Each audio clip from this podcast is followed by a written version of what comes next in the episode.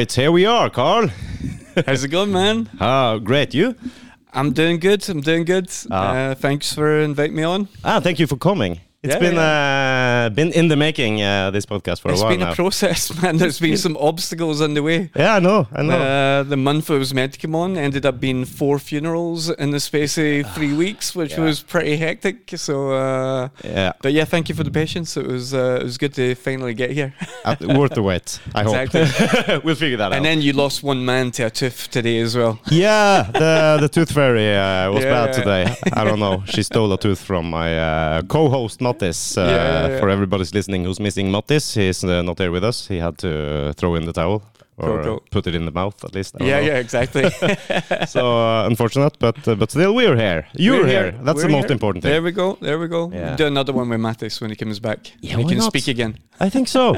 I think we have a lot more to speak about. Uh, Yeah, I guess yeah, you can yeah. speak about everything in one day. Yeah, yeah, for sure, man. For And sure. uh, this, I have to mention, this is my first podcast ever in English.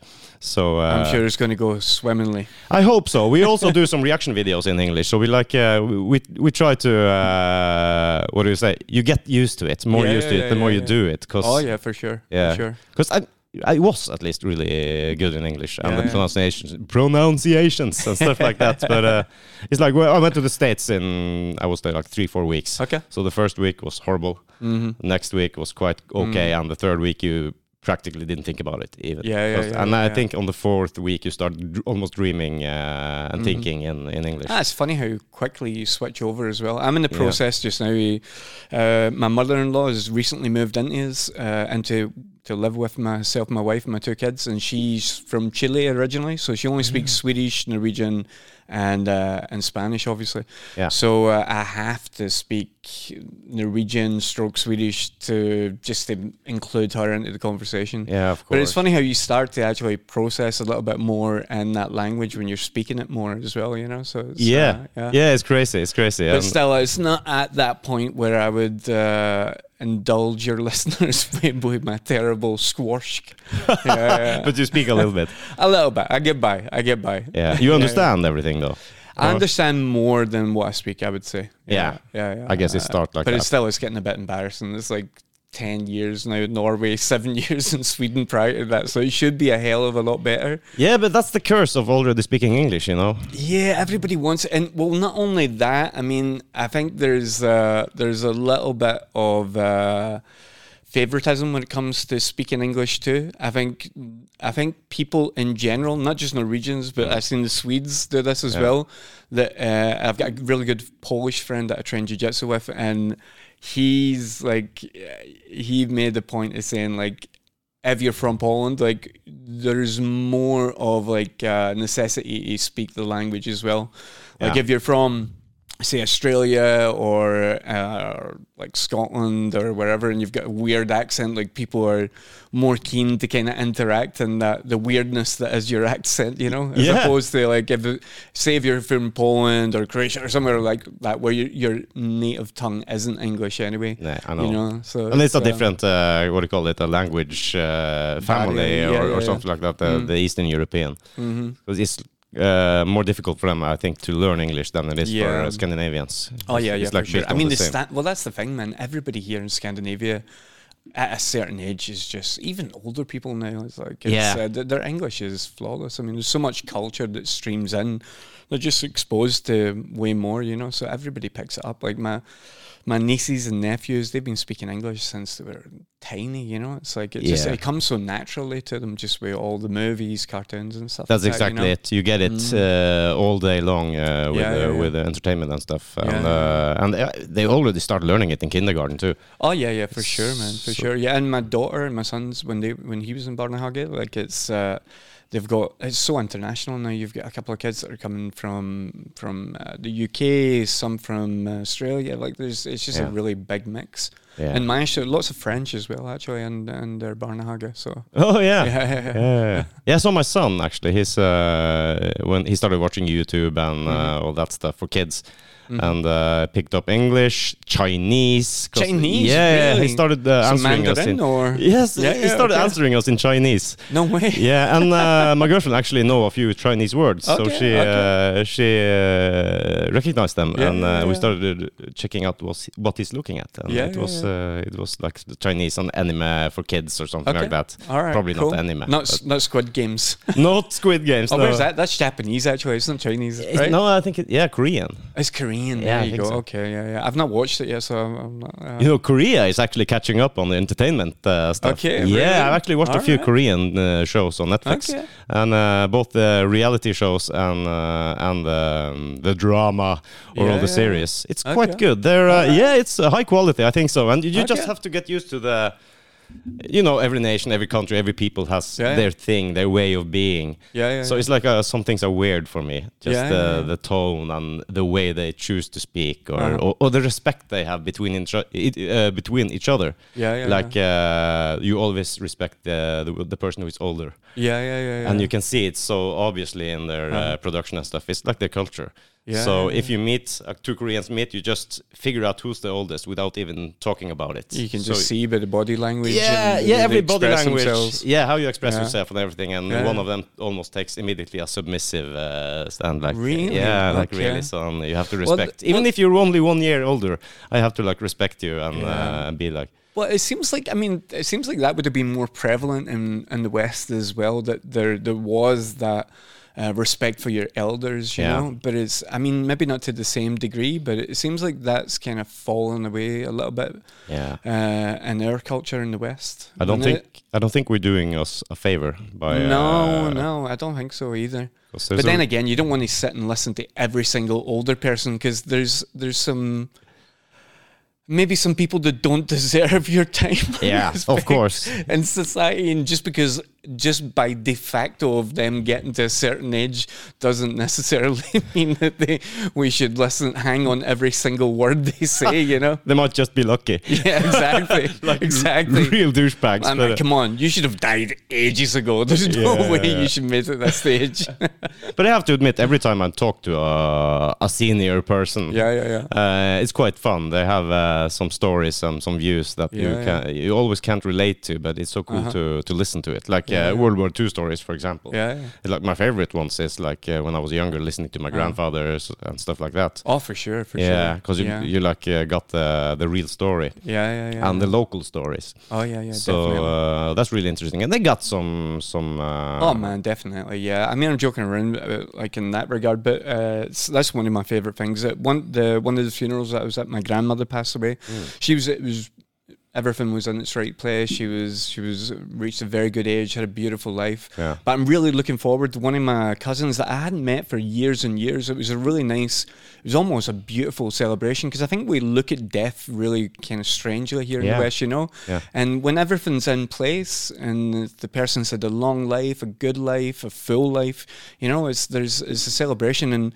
and meeting all these uh, cousins that I've had that I've not met and and since I was basically a small kid, you know, Mm. um, and connecting with them and being able to like see that they all had this shared, we all had this shared mutual. Uh, experience of having this uh, this safe haven to go up to in Yeah. the north of Scotland and be uh, uh, and and and listening to all these stories and and their takes on life, like really wise, beautiful people, you know. Yeah. And uh, one of my cousins, he he actually he recorded secretly because otherwise it wouldn't have been so free flowing. But just sat Yeah. down with her and asked her, asking all these stories about when, because she would have lived through um, Nazi Nazi occupation in in Belgium. For the Second World Okay, War and like all the stories and this wealth of knowledge. Like there's there's so much to take away from that, you know. So it's, uh, it's That's brilliant, actually. yeah, man. You know, we should we should really be documenting stuff like that more. Yeah, more yeah. these days. I'm a real sucker for those uh, those documentaries with the Yeah, with the guys talking about uh, when they stormed Normandy and Yeah, uh, yeah, yeah, stuff like that. You even got those who even uh, joined the first and second World War. oh, it's yeah, like yeah, some of those too. I don't know if they're alive now, but uh, a few years ago there was some of those alive still, and it's it's Yeah, crazy yeah, yeah. stories.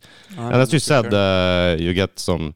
That's the one thing when you like we talked about like uh, we started to push the old old people away almost a little bit. Mhm. You don't live with them anymore. Mhm. It's like not generational homes anymore. yeah, yeah. Because uh, and I think maybe that's why we we get a part of why we get a little bit distant relationship to death and stuff like that. You- oh yeah, yeah, 'cause- definitely. Because it's not it's not there. It's not like a natural kind of process. It's seeing Yeah, you them. don't see the process Yeah, either, yeah, you know. yeah, yeah. So, uh, so I've seen this really nice project. I might get this wrong, but I think it's in. Uh, I can't remember if it's in the States or maybe Australia, but they were paying like younger students to go in, uh, like like school kids basically to go into nursing homes uh, and actually interact with the, pe- the the the residents of these nursing homes. yeah, But they would be paid to go in and just interact, and you can see the joy that these the elderly people have just been kind of. And I mean, no judgment on anyone that that doesn't, because there's different scenarios. Someone that's Yeah. maybe got some uh, some debilitating mental diseases, and they, they just can't like they can't uh, they don't have the time basically to look after that person. No. So it's a necessity to go into the home, and then just some assholes just put them in the home anyway. You know. yeah, yeah, yeah. But you know the joy that they get just from these interactions with these young kids, and the wealth of knowledge that these kids are all obviously getting as well, just being in Yeah. there and interacting with them too. Yeah. I think I heard some about this that you actually increase the cognitive uh, abilities both of the young and Yeah. uh, the old one when you when you let them interact together. Yeah, yeah, yeah. It's yeah, like yeah. separating the kindergarten kids from the on the, the the older one on the nursing home. Yeah, yeah, yeah. It's like uh, maybe not a very good uh, good idea. Yeah, yeah, yeah. Uh, of course, you can't put them together and just uh, let them be there. yeah, but look after them. Here's some matches, some gasoline over in the corner. now play well. We'll be back with some soup at 12 o'clock. with some pudding. yeah, exactly. Who would be worse, do you think? The 90 years old or the eight, uh, 7 years old, 6 years Ah, old? I don't know, man. Judging with my kids, I think they would be causing a ruckus. yeah. I always enjoyed being with the with the elderly when I was young. I remember that just because of the stories and the experience they have. And Yeah, I didn't realize that I lost my other grandmother last year as well.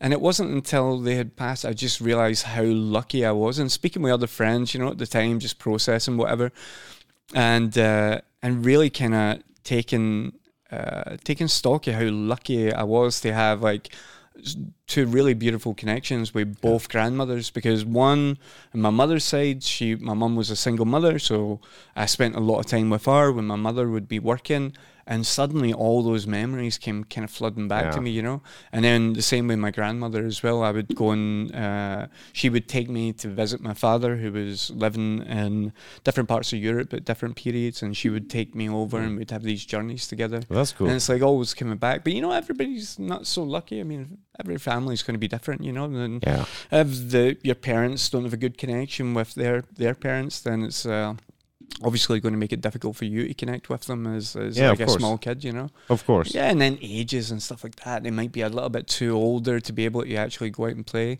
So I feel really fortunate that both my my children have uh, grandparents on all sides that are able-bodied and Yeah. like really, uh, yeah, still have that energy to go out and play with them and interact. And it's not just sitting around with them, which there's benefits to sitting around and telling them stories as well. But uh, That's perfect. Yeah, yeah, It's yeah. so good. Then they get uh, get to meet them. Uh, yeah, yeah, yeah. Yeah, that's so cool. Mm. We're we're from you're from Scotland. From Scotland Yeah. originally, so just outside of Glasgow. All my family are from Glasgow, and I grew up outside, uh, just in a small town. Actually, there's a small town outside of Glasgow, and then uh, a small village that's closer to that small town, and close to that small village is Yeah, a small okay. little place where I where I grew up. Yeah, yeah. Uh, It's just a small place called home, right? Yeah, yeah, yeah, right. Yeah, yeah, I'm from a sin- similar situation Yeah, up yeah, north. yeah. I'm from uh, almost the furthest part, northern part of Norway you can Okay, get. no way. So how did you end up down here in uh, in Oslo? Yeah, my father lived there. Okay. Yeah, uh, he moved uh, moved when I was three. Then Mhm. he moved here to Oslo. So I met him uh, almost every summer. hmm Uh, so I went here uh, on holiday in a month or two. in the school holidays, and uh, and uh, then I started my education uh, at school as electrician up in the north. But Yeah, yeah. decided, and my uh, stepfather actually had a had a company. Mhm. I could work in there Mhm. in the nearest uh, big place where there are companies. so, so, uh, but I figured I, I wanted to like do something on my own. Uh, you know, uh, don't be under his wings. Uh, yeah, I, I like felt like I, I want to push out a little bit more. Yeah, and to break free and Yeah. become your own man. yeah, and in Oslo, you Especially know- if you're in the same occupation and stuff like that. You know? Exactly. I've been Mhm. working with my stepfather for many years Yeah. prior to that too, like in every holiday, and he- if he needed help or weekends and stuff like that, I would join him. So you know, I did- I knew what it was about, but I wanted to wanted to try Mhm. something another place and a bigger place, of course, Oslo. I was 17 at the time when I Yeah, moved yeah. here. Wanted to travel a bit, partying, the city, Yeah. you know, everything like that. No, it was same story for me, man. Like, Yeah. uh, just coming from a small town, I met an Australian girl. She was like, "Do you want to move to London?" I was like, "You had me at hello." you know?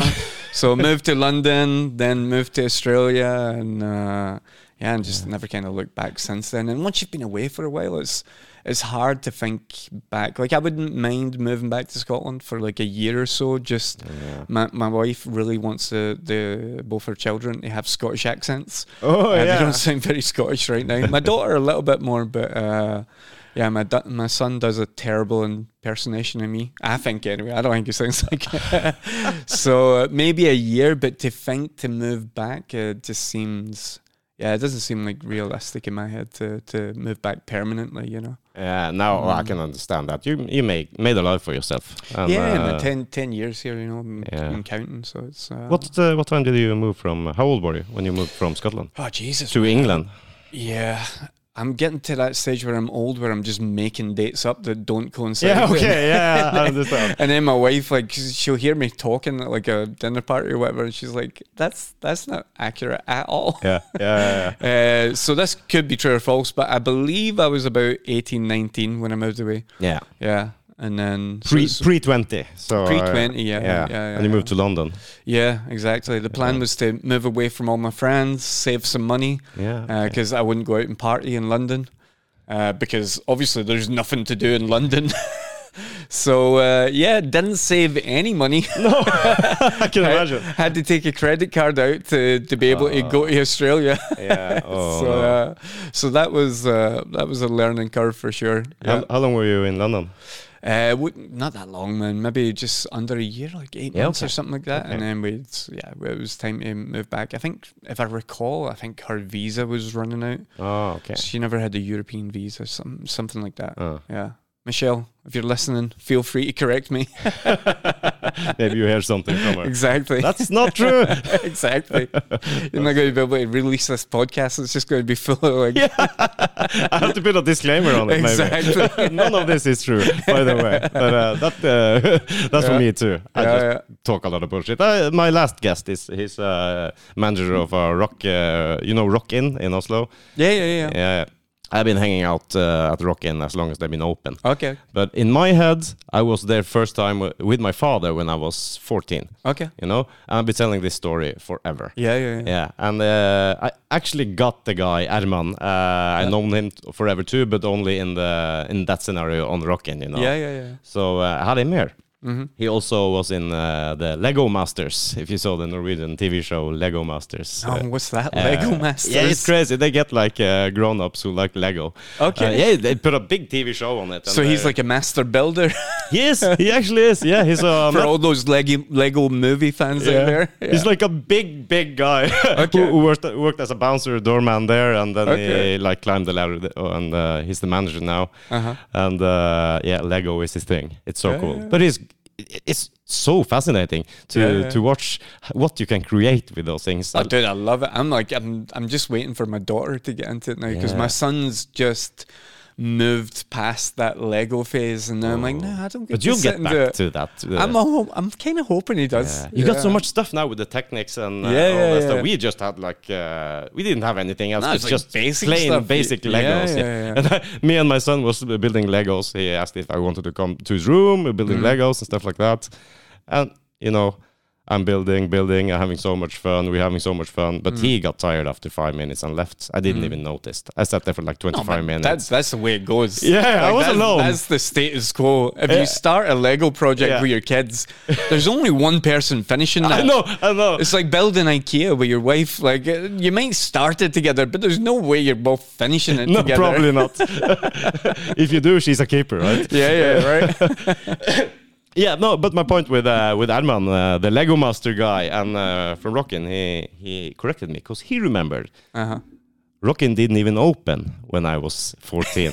he's like, he's like, full of, I call bullshit. I'm like, Yeah, "Oh, yeah, yeah. God damn it. And then I realized there was another place before that Okay. that I used to went to. That I completely forgot. So Yeah, as you yeah. say, you you make up stuff in your mind. Oh man, completely. Like that's why they say like the the most like unreliable evidence is eyewitness evidence. Yeah. Especially in like these stressful kind of uh, situations, like if something's happened. Yeah. You know, people remember shit completely different. You know. Yeah. And you've got like five, like you can ask five different people who are at the same event and they'll remember it completely different. Yeah. And these small things like that situation with the club, you know, like the more you you've been telling that story for so long, it just solidifies in Yeah, your mind does. as that's what happened. When in reality, it was like no, No, it wasn't. It wasn't. I was way off. remotely true. Yeah, I was way off. But uh, it's good him to come and correct me though. So uh, Yeah, yeah, yeah. but my, my, girlfriend asked me. I've been living in the same house for like 15 years or something. Yeah, yeah. What's the color on the walls on our in our bedroom? like a year ago, she asked me. Yeah, like- yeah. And we never done anything there. Yeah. You know, I was like, Yeah. I couldn't tell. I couldn't tell her. I had to guess. I, I, okay, my eyes are usually closed when I'm in the bedroom. Usually, yeah, yeah. sometimes. Yeah, but yeah. uh, but uh, just like uh, the memory, you can't trust it at, no, no, at all. no. At all. No, no, no, no, not at all. There's this uh, spiritual guy that uh, I wouldn't say spiritual, more like kind of occultist. Is a guy called uh, Robert Anton Wilson. Really interesting guy, man. More like into like uh, exploring the mind. Uh, he's got lots of these, uh, lots of books that he's written over the years. Uh, I think he's passed away now, but he had like he would test the audience. Just to, to sh- his whole thing was that we all have our own reality tunnel that we view.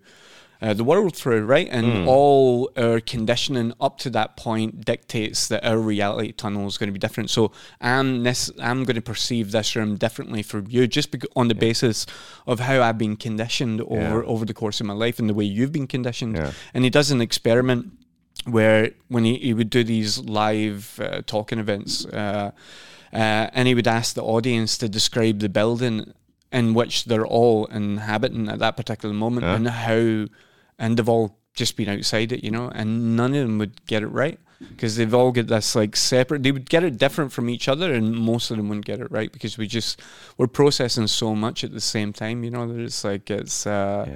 we interpret in our own way, and and Yeah, we do. That's fascinating. Mm. And uh, if you're in a stressed situation, Oh yeah, even can- even more so, you know. yeah, you can yeah, add yeah. that to it. Uh, I try to remember back to stuff that happened to me. I was Mm. stressed, even though it's like a year ago or ten years ago. Mhm. It's like a blur. It's almost like a dream. Yeah, yeah. yeah. Uh, I do could you remember your childhood very well? no. Um, me neither, man. I remember like flashes of it. Yeah, yeah, yeah, I yeah. couldn't. I, of course, I know what happened to me in the childhood for the most part, I Yeah, guess, and. I know uh, my routines and everything. Yeah. Like I know what I did, but it's hard for me to like just close my eyes and try to to rewatch it or something. Yeah, if that's yeah, what you mean, it's it's almost impossible. Yeah, yeah, yeah. My wife is she's like I don't know if she's got like a photographic memory or whatever, but she'll be able to same with dreams, she'll come out of a dream, she'll just be able to tell you like exactly what's happened. But she'll remember these things from when she was three years old and I was like, I got no memories from that. Maybe like like some like like Yeah. f- a fragrance of a memory. Yeah, me it's too. like just you can't quite put my finger on it, but she's like details, and then this happened and that happened, and um, as her mum's, as I said, just living with her uh, right now, she she'll like uh, like confirm Yeah. that memory. Obviously, It must be nice. I can't. I can't do that at all. I can Yeah, barely yeah, remember what I did last week. No, no, no, It's. Uh, but I get so, some parts of your childhood is imprinted. Uh, I Mm. think. Yeah, Uh, yeah. But but uh, no. Kudos to those who can actually Mm. remember. I have no idea. yeah, I have no idea. Uh, and yeah, you went to Australia. What, Yeah. ha- what happened in Australia? what didn't happen in Australia? Yeah.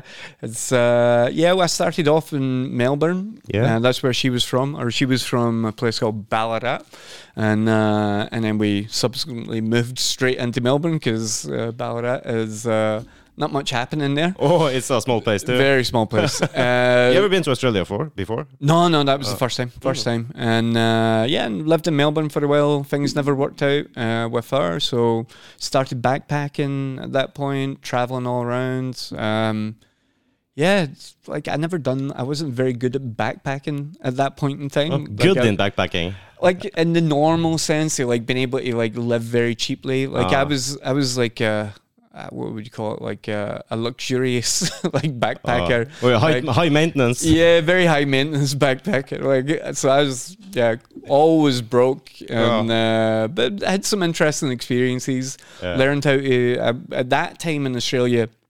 They were in need of rural workers, so people Oh. that would work on farms, picking picking fruit, for example, and stuff like that. Mm. Um, so I guess it was just a shortage of uh, of of labour workers. So what they done is, they, if you done three months of work, then you could extend your visa for an extra year as a Oh, backpacker. really? So I done that, and I get really lucky. I met this uh, Israeli guy who was uh, on an, on a quest to make these branded oranges. So he taught me how to splice these uh, orange trees. So it was like an orange plantation, uh, and basically I would go up and cut half of a tree off. And then uh, of of the orange tree, and then grow a different variety of orange off it because he wanted to perfect the orange. Yeah. Oh. Really eccentric guy, but I just got to drive around on on a quad bike, like a four wheeler, and just uh, it was the best, man. Yeah, that's Getting perfect. paid twenty bucks an hour, spending it all instantly. Yeah, of course, but that's perfect for backpackers. Oh, that was good, man. like that. Everybody else is like laboring hard in the heat. I was just driving around and eating oranges and cutting trees. There was some downsides. Imagine like orange plantation, just trees as far as the eyes can see Yeah. and we we would uh, basically cut the trees off. You'd have to incubate the the seedling that would grow out of that. So you have to put it in a brown paper bag. Yeah. And we're in Australia, man, and spiders like heat. I know. So that job, you had to go up and take the brown paper bag off, and every second tree there'd be a huntsman s- spider in it. So I've seen photos of Man, they're like as big as a hand, you know. So you're like doing that and then just running away. It was uh, it was intense. That was the only downside to that job, you know. I'm gonna Uh, say what every guy says. You know, I'm not afraid of spiders. Yeah, okay. wait, but- wait till you see one of those I- bad boys, I- man. I, yeah. challenge anyone to stand in the face of one of them. No, great. I Oh, would be a little bitch. Oh man, i've seen one of these videos of the other day when you're talking about doing these uh, just uh, commentary video on weird videos. Yeah. There's so much content out now. It's like you you could never it's never ending. But there was a guy in Australia and he was taking like an aerosol can. I'm not sure Yeah. what was in it, but he was just spraying under the hand a door handle in the car and then just spraying and then he's just like wait for it and then a spider size of my hand cl- creeps dude Under the handle I, I of the want to live in a country where I need to like spray the handle of my car when yeah, I'm coming yeah. out in the morning.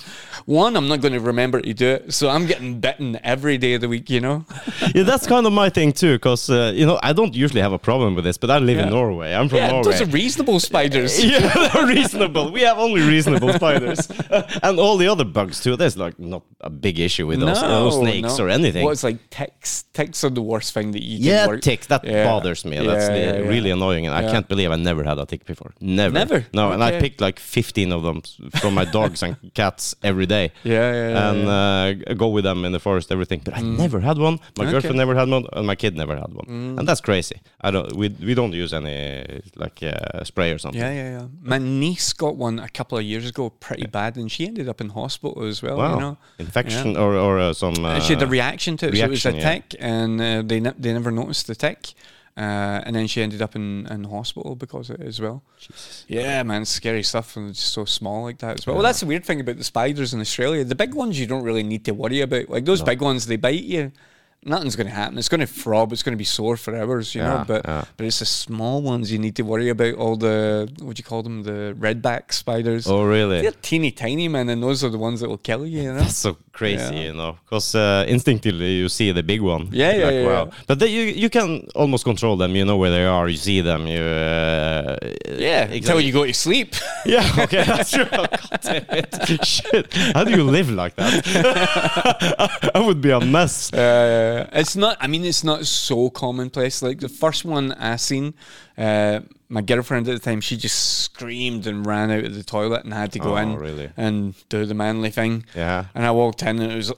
It was huge, man, and I was like, "How do you even catch?" I don't even have. Would, normally, like over here in Scotland, where I was coming from at the time, you grab like a mug or whatever, and you got it, man. What, what are you gonna do with that? You need like a, a frying pan or something to catch it. With a broomstick or something? Yeah, you just have to uh, fend it off. I'm not ashamed to say, man, that spider did not make it out alive. I'm sorry, any any vegans listening, but it, it was me or him. He Yeah. had he had to go. I He understand. had to go. You have to fend for yourself, Yeah, man. man. You have to protect your, you protect your girlfriend. Exactly. Be the man.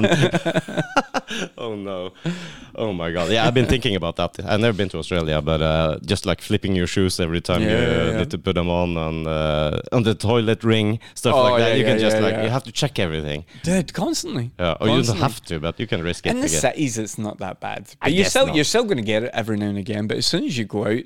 to the middle of nowhere, which is like the majority of Australia, is Yeah. like the middle of nowhere, then Yeah. yeah, that's uh, you just need to coexist with them, I guess. Yeah, I guess you do. There are places there is even worse. Like you got places, you got predators, lions, right Yeah, outside yeah, your yeah. doorstep. Yeah, so yeah, yeah, for uh, sure. you have to carry water around.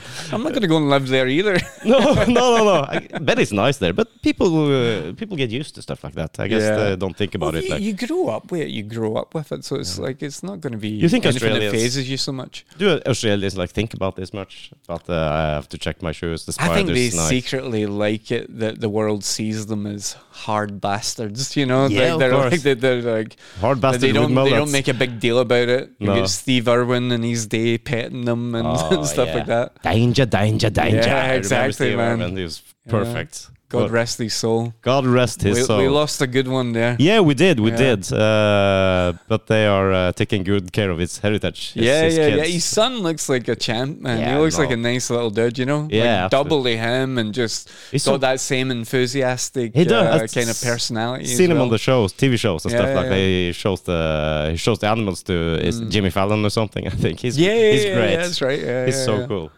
Did you Uh, travel uh, a lot in Australia? You backpacking? You said it was. Pretty uh, much, man. I got I got a lot of ground covered. Considered I was always broke, never Yeah. came. so I managed. To, I got up to see Ayers Rock in the middle. ah, cool. Um, went all the way up to Darwin, um, all up the east coast. Yeah. Uh, done done some uh, hitchhiking. First time I've ever done hitchhiking. What's that? Uh, hitchhiking, so sticking your thumb out and, uh, Oh, and oh, asking. hitchhiking. Yeah, Yeah, yeah, yeah, yeah. That's the, we, we've came like a good few minutes into the podcast, and Yeah. that's that's the first misunderstanding of the Scottish accent. So you're doing well so yeah, far. Mattis thought you were from Canada. Remember? yeah, You're yeah, Canadian? Exactly. Yeah, exactly. I wanted to punch him. yeah. I knew you wasn't from Canada at least. I wasn't yeah, sure yeah. about Scotland, but I uh, get Australian a lot, but I'm like, I don't know, man. Have you spoke to an Australian before? yeah, have you spoken to Yeah, a Canadian yeah. before? It's Yeah, not. It's yeah, not quite similar to exactly, Scottish. exactly.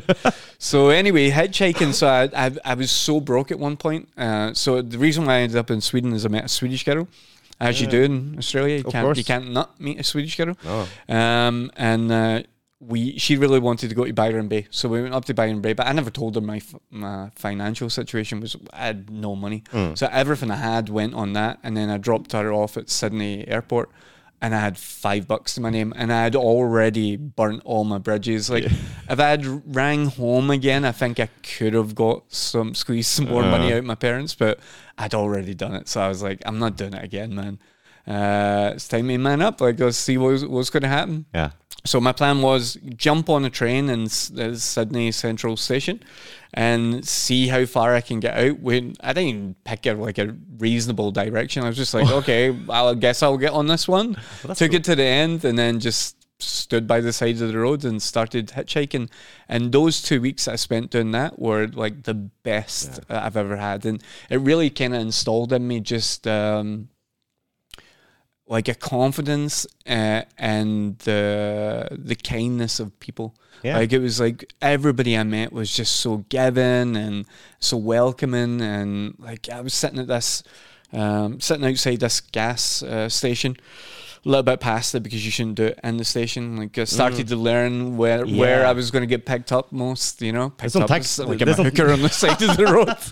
so I was sitting there with really my short shorts on, just waiting to see what would happen. Uh, but this family, they were uh, they drove past and uh, they waved, and then they they I seen they drove away, and then they came back and they were like, "Look, we're we only live up the road, so there's no point in us giving you a lift, Mm. but here's a bag of some like some water, some some chips, some other stuff, a couple of sandwiches and stuff, and just wanted to give you this. And Oh. like, Thank you, man. Then met this family. We uh, one of their kids was autistic, and Mm. and uh, uh, yeah, had had uh, maybe like six hour journey with them, just getting to know them and what they were doing, and um, yeah, it was good times, man. Uh, Yeah. Really, really fun, just uh, interacting with people. This guy picked me up on his way back from the Bottle which is like the Vin Monopole. It's Yeah, like yeah, you just yeah. get bottle shops everywhere. They call it. Okay. They've actually got, I don't know if you've noticed, but they've got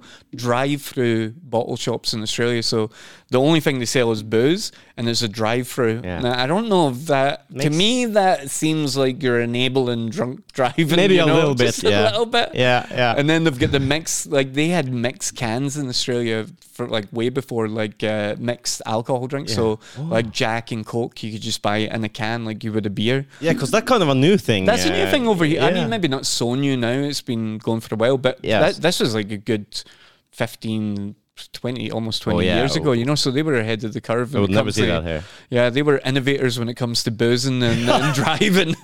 yeah, you gotta do something. so you gotta this pick guy, something. yeah, this guy drives past and he picks me up and he's just like drinking a beer and he hands me one and then he's clearly drunk. But I'm like, okay, I guess I'm in the car with him. Let's Yeah. see, let's see how this goes, you know. And uh, just like typical old kind of Aussie Aussie guy, cool. just like very stereotypical. But it was, yeah, good times, man. That was easily the best best Yeah. few weeks I spent in Australia for sure. That's so cool. I hear people Mm. say that that actually did the hitchhiking and Yeah. uh, backpacking stuff like that uh, over extended periods of time. Though Mm. It's it's one of the best uh, periods of their lives because Oh yeah, yeah. you meet people you never would have met before, Mm-hmm. and it, it takes a person, maybe a special person, to stop for a hitchhiker, and it takes a special person to be Get the in, hitchhiker yeah, too. I guess there's like Yeah, a yeah. trust there. Yeah, yeah. oh no, Uh, for sure, man. yeah. For sure. I would not like my son and daughter. No. but the best, like that's me. I'm like, that's the the best time I had, and I'm like, yeah, but I still want, don't want my kids doing it. You know. that's Uh, cool. I did it when I was young, but it's like uh, 10 kilometers from Mm. uh, where I live to the to the shop. Yeah, yeah. So uh, if I didn't bother, to, normally I'd take the bicycle and I could pick up uh, like uh, bottles yeah, yeah. and yeah. get uh, money for them, and then I had enough for some ice cream and a Yeah, coke yeah, or yeah. something. So I just bring an empty bag, Mhm. put on my bike, 10 kilometers. I always had enough uh, enough bottles to get some something. Uh, Yeah, yeah, yeah. But uh, I remember those days. We yeah. had the same in Scotland. So you'd have these glass bottles. Yeah. We call it ginger in, Yeah. uh, in Scotland. So it's just basically any kind of Bruce. And uh, yeah, they used to get 20 pence back for every bottle that you take. Yeah, you know? cool. So Yeah, just yeah, gather them up. Yeah, yeah. It's go like go always clean uh, next to our road. You got some porn magazines too. Always there was like uh, bottles uh, and porn magazines. There you go. Yeah, never had to buy that in my life.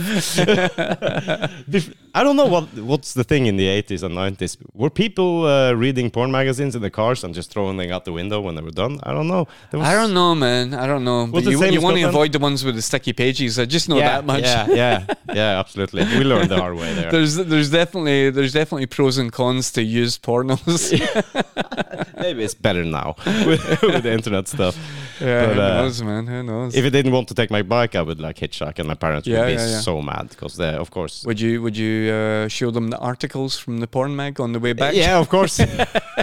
I only read the articles though, so Yeah, yeah. Oh yeah, yeah. Of Yeah. course, of course. educational purposes only. yeah, yeah, yeah, yeah. Well, it was educational. You had such good fantasy back then. Remember still pictures? You had to do everything with still pictures, Yeah, magazines, yeah, stuff like that. Yeah, yeah. Now you can pick and choose whatever you want, whatever floats your boat. yeah, indeed, indeed. Yeah, yeah, yeah. You can say. Uh, what brought you to Sweden? It was a girl then. I yeah, guess. so uh, she she buggered off, left me to like travel around. I mean, luckily for me, I hadn't seen this film that would just come out at that time, Uh-huh. which is called Wolf Creek, which is all about a crazy psychopath that killed lots of people. Uh, a guy called it was based on a guy called Ivan Milat, who's a real guy who Yeah. killed made like. 30 or 40 people just I think it's between 30 and 40 people uh, just made them disappear and this movie's all about them like hitchhiking and in the middle of nowhere in Australia you know I think I know this movie. I yeah, might yeah, do it's, it. it's yeah. a good movie, man. it's very yeah, yeah. suspenseful. It's, uh, it's good stuff. So I hitchhiked before that, anyway. So I survived that and uh, managed to save up a little bit of money, uh, and then headed off to Sweden after that. So uh, that Yeah. was the next adventure. I was wasn't really in in a space where I wanted to go back home yet. Wanted to keep on traveling. You didn't miss Um, home at all. Was it like uh, evenings for No, you? the traveling just felt right, man. Traveling Yeah. felt good, you know. And I was still in like a process of kind of discovering who you are. I mean, at that that age, I feel like from I feel like from 18 to 25, 20, 26, you're you're really kind of discovering who you are and figuring out just through Yeah. through the process of who you're going to be, you know, from adventure to adventure.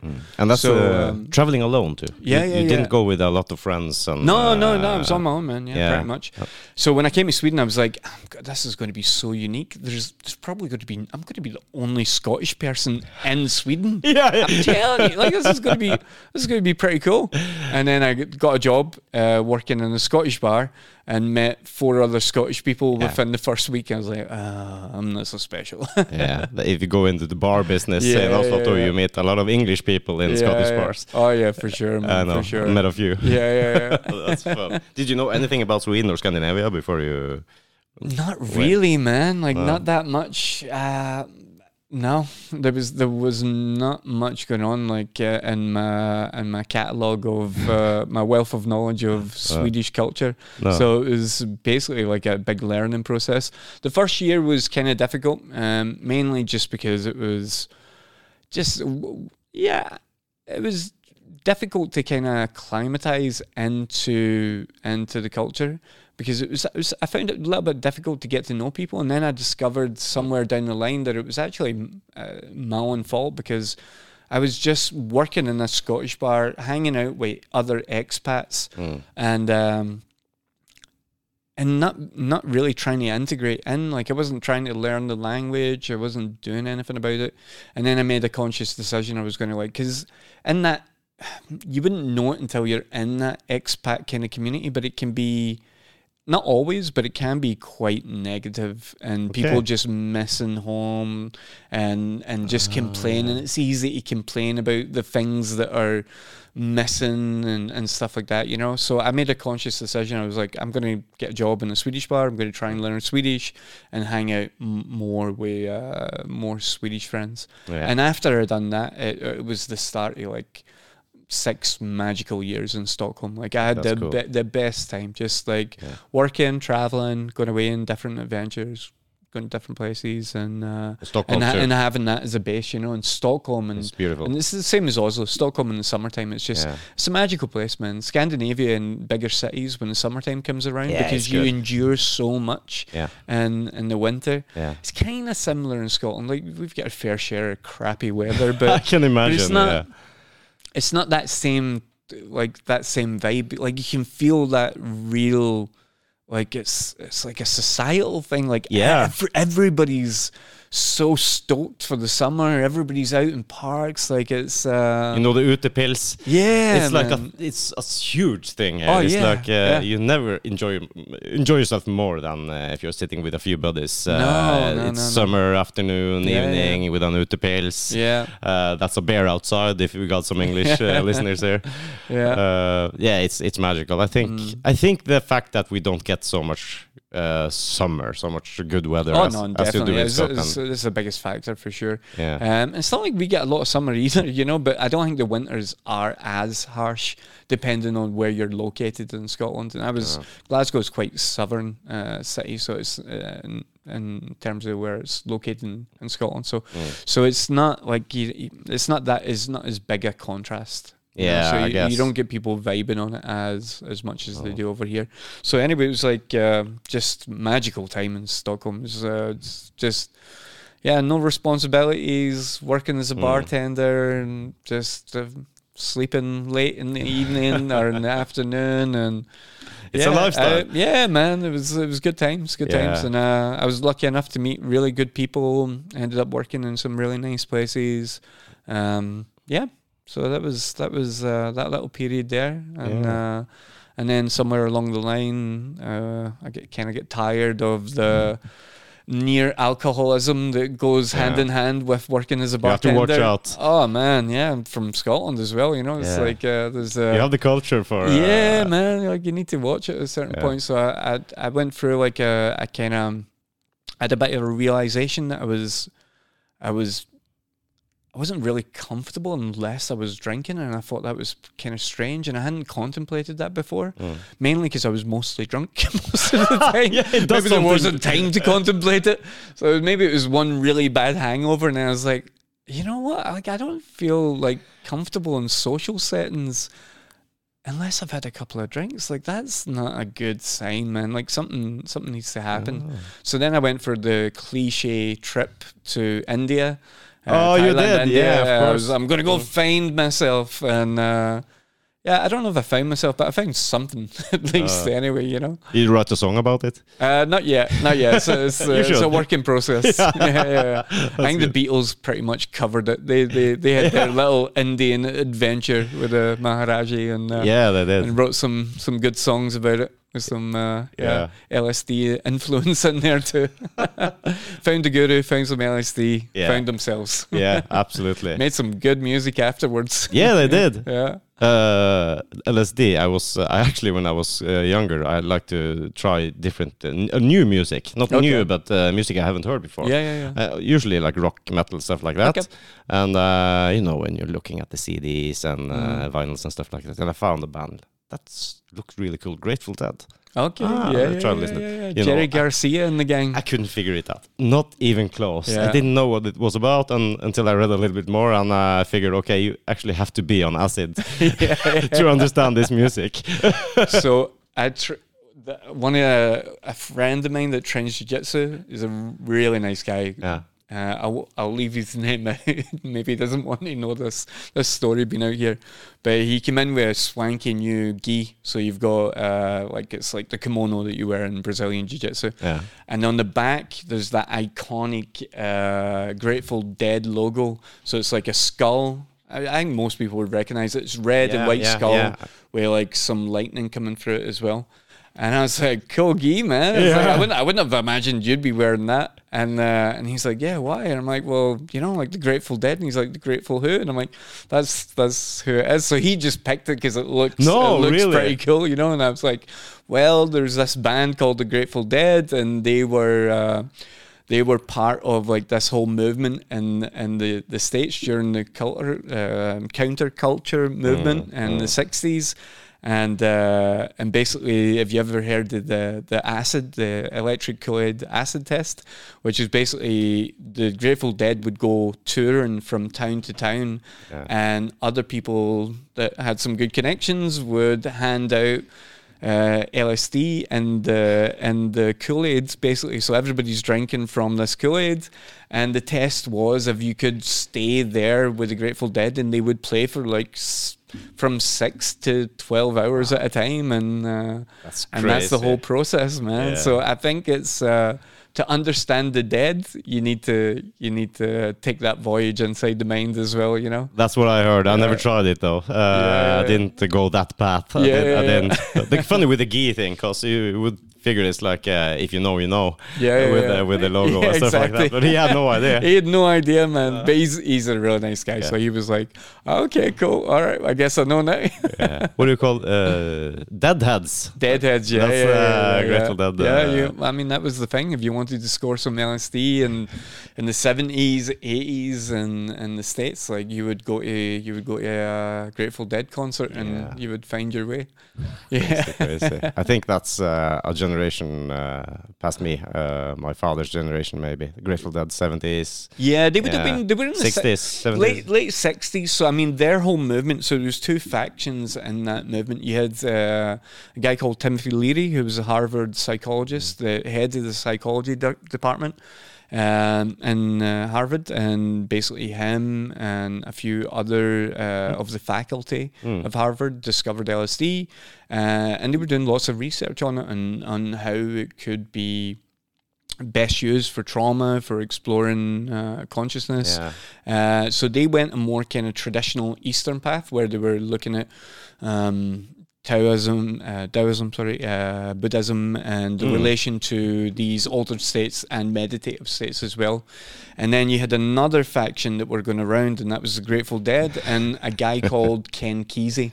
So Ken Kesey was. Um, He's the guy who uh, wrote the book uh, "One Flew Over a Cuckoo's Nest" Yeah. with the movie Jack Nicholson. Uh. So he that was the first book he ever wrote, uh, and he was uh, he was exposed to LSD in San Francisco, and he got together with uh, the Grateful Dead. Uh, and there's a really interesting book called "The Electric Kool-Aid Acid Test," uh, written by a guy called Tom Wolfe. Mm. Really fascinating book, and it's all about how they uh, how they were trying to expose people. So I mean, essentially, what they were trying to do is wake up that generation to Yeah. to um, to all the nonsense that was going on at the time, the Vietnam War, everything Yeah. else that's going on, the segregation. I mean, powerful, powerful time. Yeah. Powerful people getting shot right, left, and center. You know, Yeah. Uh, Martin Luther King saying goodbye, uh, Kennedy. You know, Stuff uh, happened. Yeah, man. It was like in that little like the space of that kind of decade and a half, Yeah. like a lot went down. You know, Didn't you get the uh, war on drugs uh, about this? that was uh, Reagan. When Reagan came in, they were like the war on drugs, which is just nonsense. I mean, it's like really interesting to see that, and Norway being one of the more kind of uh, ahead of the curve in the sense of lots of people fighting politically for for decriminalization Mm. of, of certain substances now, and you've you've got like uh, ketamine clinics all over Yeah, Oslo now for, that. for depression. So I think people are starting to wake up to like the the beneficial aspects of what psychedelics can offer for Yeah. trauma victims, for people with PTSD. I think what happened in the sixties was it was a bit too gun ho. You know, you had these Mm. people that were just like pushing out there with no proper supervision. Um, but I mean, any prohibition just doesn't work. And it, all it does is drive it underground. If there's a market for something, Yeah. which there clearly is, then you're essentially putting your arm in um, gangs and and, Yeah. and and these syndicates around the world that are going to profiteer from the fact that prohibition is is in place. So that I mean, the war on drugs. I mean, it's so silly, you know. I think they lost. Yeah. Oh now. yeah, for sure. Yeah. Yeah, and I as you I said- can't remember who it was said. I think it's a, a comic, like one of Joe Rogan's, uh, like uh, in his circle of friends. I can't remember who, but he was like, uh, he was saying, I'm going to butcher this now, but it was, yeah. I love the fact that there's a war on drugs, and the the people on drugs are the ones winning the war. yeah. and uh, even funnier, you actually almost get. You're a pacifist if you Yeah. do a lot of those drugs. Yeah, 'cause the last thing exactly, you think about exactly. is violence and Yeah, guns of and stuff. You're like the happiest man alive. You love everyone. yeah, So, exactly. maybe it's the big, uh, what do you call it? Uh, the war machine. yeah, yeah, yeah. I figured out if you do uh, LSD and uh, smoke pot, you like No. you're not inclined to go to war. You're not uh, like Um, maybe yeah. all that into the military. Maybe you're, For sure, man, for sure. Like And it brings lots clarity of people. Yeah, man. to many people too. Yeah, yeah, yeah, for sure. And I mean, lots of the early studies that were being done is people that are having uh, the terminal illnesses. Yeah. And you could just, I mean, if you're interested at all, just go onto YouTube and Google terminal illness LSD patients, uh, and you'll see the results of these people that are some older, some younger. They know they're going to die. They've got massive anxiety, obviously, as anyone would. And after one session, you see these people being interviewed, and they've just they've just found peace with it, man. And they're happy. They're they're content to pass over. Yeah. You know, just like the peace of mind that it gives them. We we see it a lot at the float center, where we've we've actually just started now. Where we've got two doctors that have moved from one clinic, and they're hiring our, one of our rooms at the float center, Hmm? and they're uh, they're going to they've got their licenses to practice ketamine treatment for depression. Really? Yeah, so we're going to start to offer that, or they'll be offering it under our roof uh, at the float center now. Um, and we prior to that, we've always had connections to these other clinics in town, and you see some of them coming in. I had a guy who was in two months ago, uh, and he came in and he was just so candid and open about his the reality he, what he was going through, clinical depression, uh, SRIs, um, antidepressants weren't weren't working for him. He was near suicidal. He was like, I was, I was after.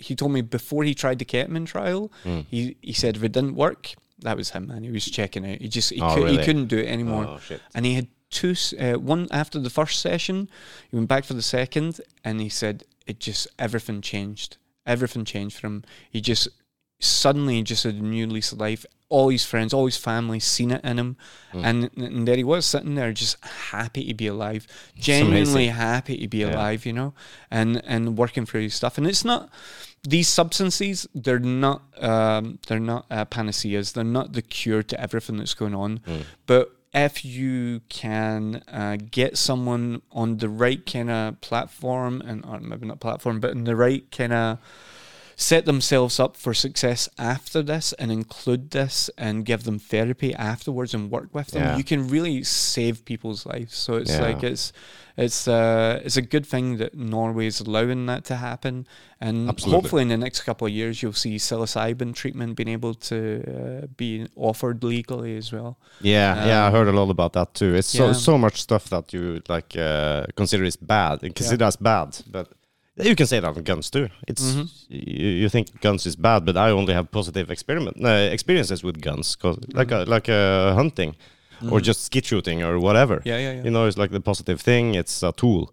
yeah yeah, yeah. Uh, and I guess you can relate that to, to this too. Uh, it doesn't mean that you can just you're clinically depressed, you're suicidal. Just Mm. don't dump in your couch and do ketamine, and you'll be fine. no it's no, like no, no, it's no. like with therapy and uh, there's with a, therapy with the right people there with yeah, all the, with everything in place to to set them up for success basically so it's it's not one one pill and it cures everything you do need to work from it but at least it gives them that platform to be able to work with what they've got and what it does is it's a disassociative so it's like it allows the person to have a more objective view instead of, i mean we've all got our own dialogues and with our internal dialogues and stories that we tell ourselves like we were talking about before and and we tell these stories over and over again. And if your stories get a negative kind of um uh, element to it Yeah. that's that's going to be what you're telling yourself on a daily basis. And it's so hard to break free from that but when you're under the influence of that then you, it gives you a more objective uh, perspective so you can look at it and go like that's connected to this situation that happened in my past or this trauma that is was I can clearly see that this was not an okay for I don't know whatever the example a small kid to to experience. And this is clearly why I'm Yeah, telling myself yeah. this story. You can- and then you can then you can stop telling yourself the story. You need to work to do that. It's probably going to come up again but then you can at least in the moment try uh, increasingly over the times that you you keep retelling the story you can replace it with something else or at least Mm. recognize that's got nothing to do with what's what my, the reality of my situation is right now you know Yeah, the, the, the, uh, you recognize it. Uh, As you Mm. said earlier, as we said, it's like uh, if you you can think uh, or remember stuff, Mhm. but you can do it wrong. And if you have a negative thing, a Mm. negative thought, yeah, you can create it to be your truth. It's the reality for you. As you said, you get caught in this, yeah yeah and uh, it may not be true, may or not be true, but in your mind, in your head, uh, you Mhm. keep telling yourself that, Yeah. and uh, maybe you need to just get pulled away a little bit in uh, Mhm. in good environments and stuff Oh, like no, that, and, sure. and get the perspective of it. And uh, it's really cool that you can see it now more and Mhm. more, and you're experimenting with it, and uh, maybe it could be help for a lot of people. Oh no, definitely, and, and Yeah. you've even got it now. So it's only been, excuse me, it's only been private clinics so far, but now there's a hospital in Moss. Uh, so the same the same uh, young guy that was in, he's actually doing it at the uh, one of these.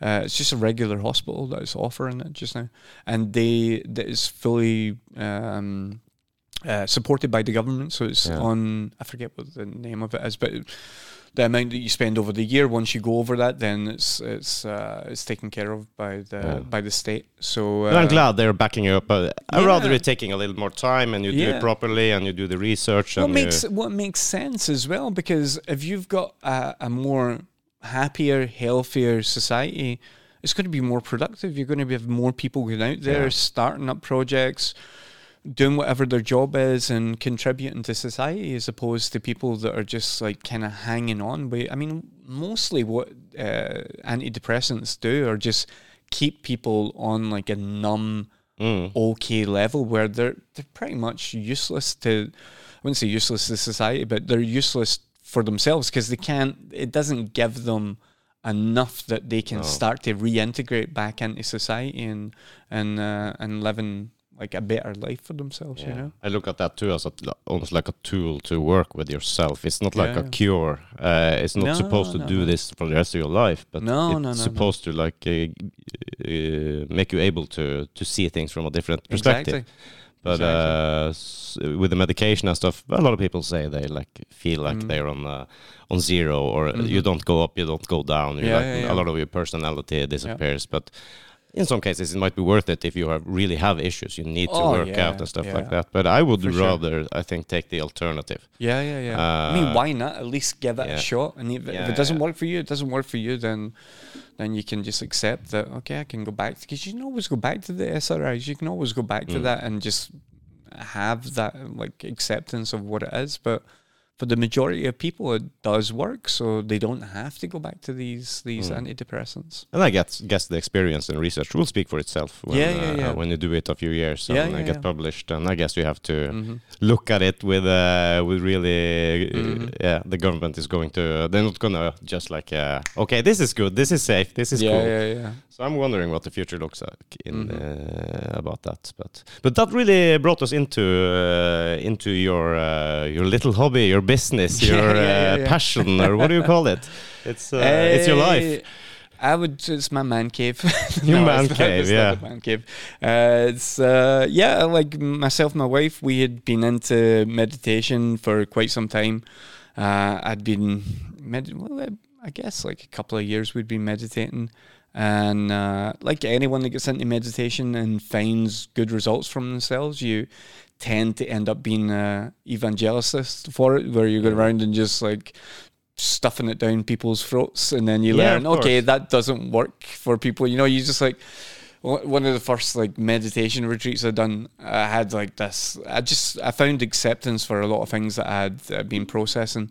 Uh, one was a big fear for, f of death, and I just I can't articulate why or how I found this uh, acceptance, but I just found this acceptance for it, and it just it took it away. It's never it's never came back since then. that's the meditation Yeah, and it's the meditation that's really worked with that. Like I don't claim to know what happens afterwards, No. uh, but I know I've got a peace of mind when it when it does come. You know. Yeah, cool Um, so obviously you want to share that with people, you know. And when you're in the meditation retreat, uh, after I'd had this, I just spent like. I don't know, maybe a good hour when we were meant to be meditating, going, "This would be good for him. It'd be good for her. It'd be good Yeah, for him." yeah, yeah. And then at a You certain point at the end of the hour, I was like, "I've just been thinking this whole time instead of actually doing the breathing technique Yeah. that I'm meant to be doing." You know.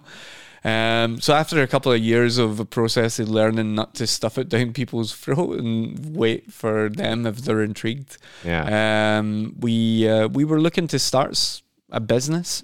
We had fought because we had both spent so much time working in service, maybe open up like a cafe. But I really, I really didn't want to work with alcohol anymore. I'd been bartending for Mm. many years. My son had came along at that point, so I was looking for something to do.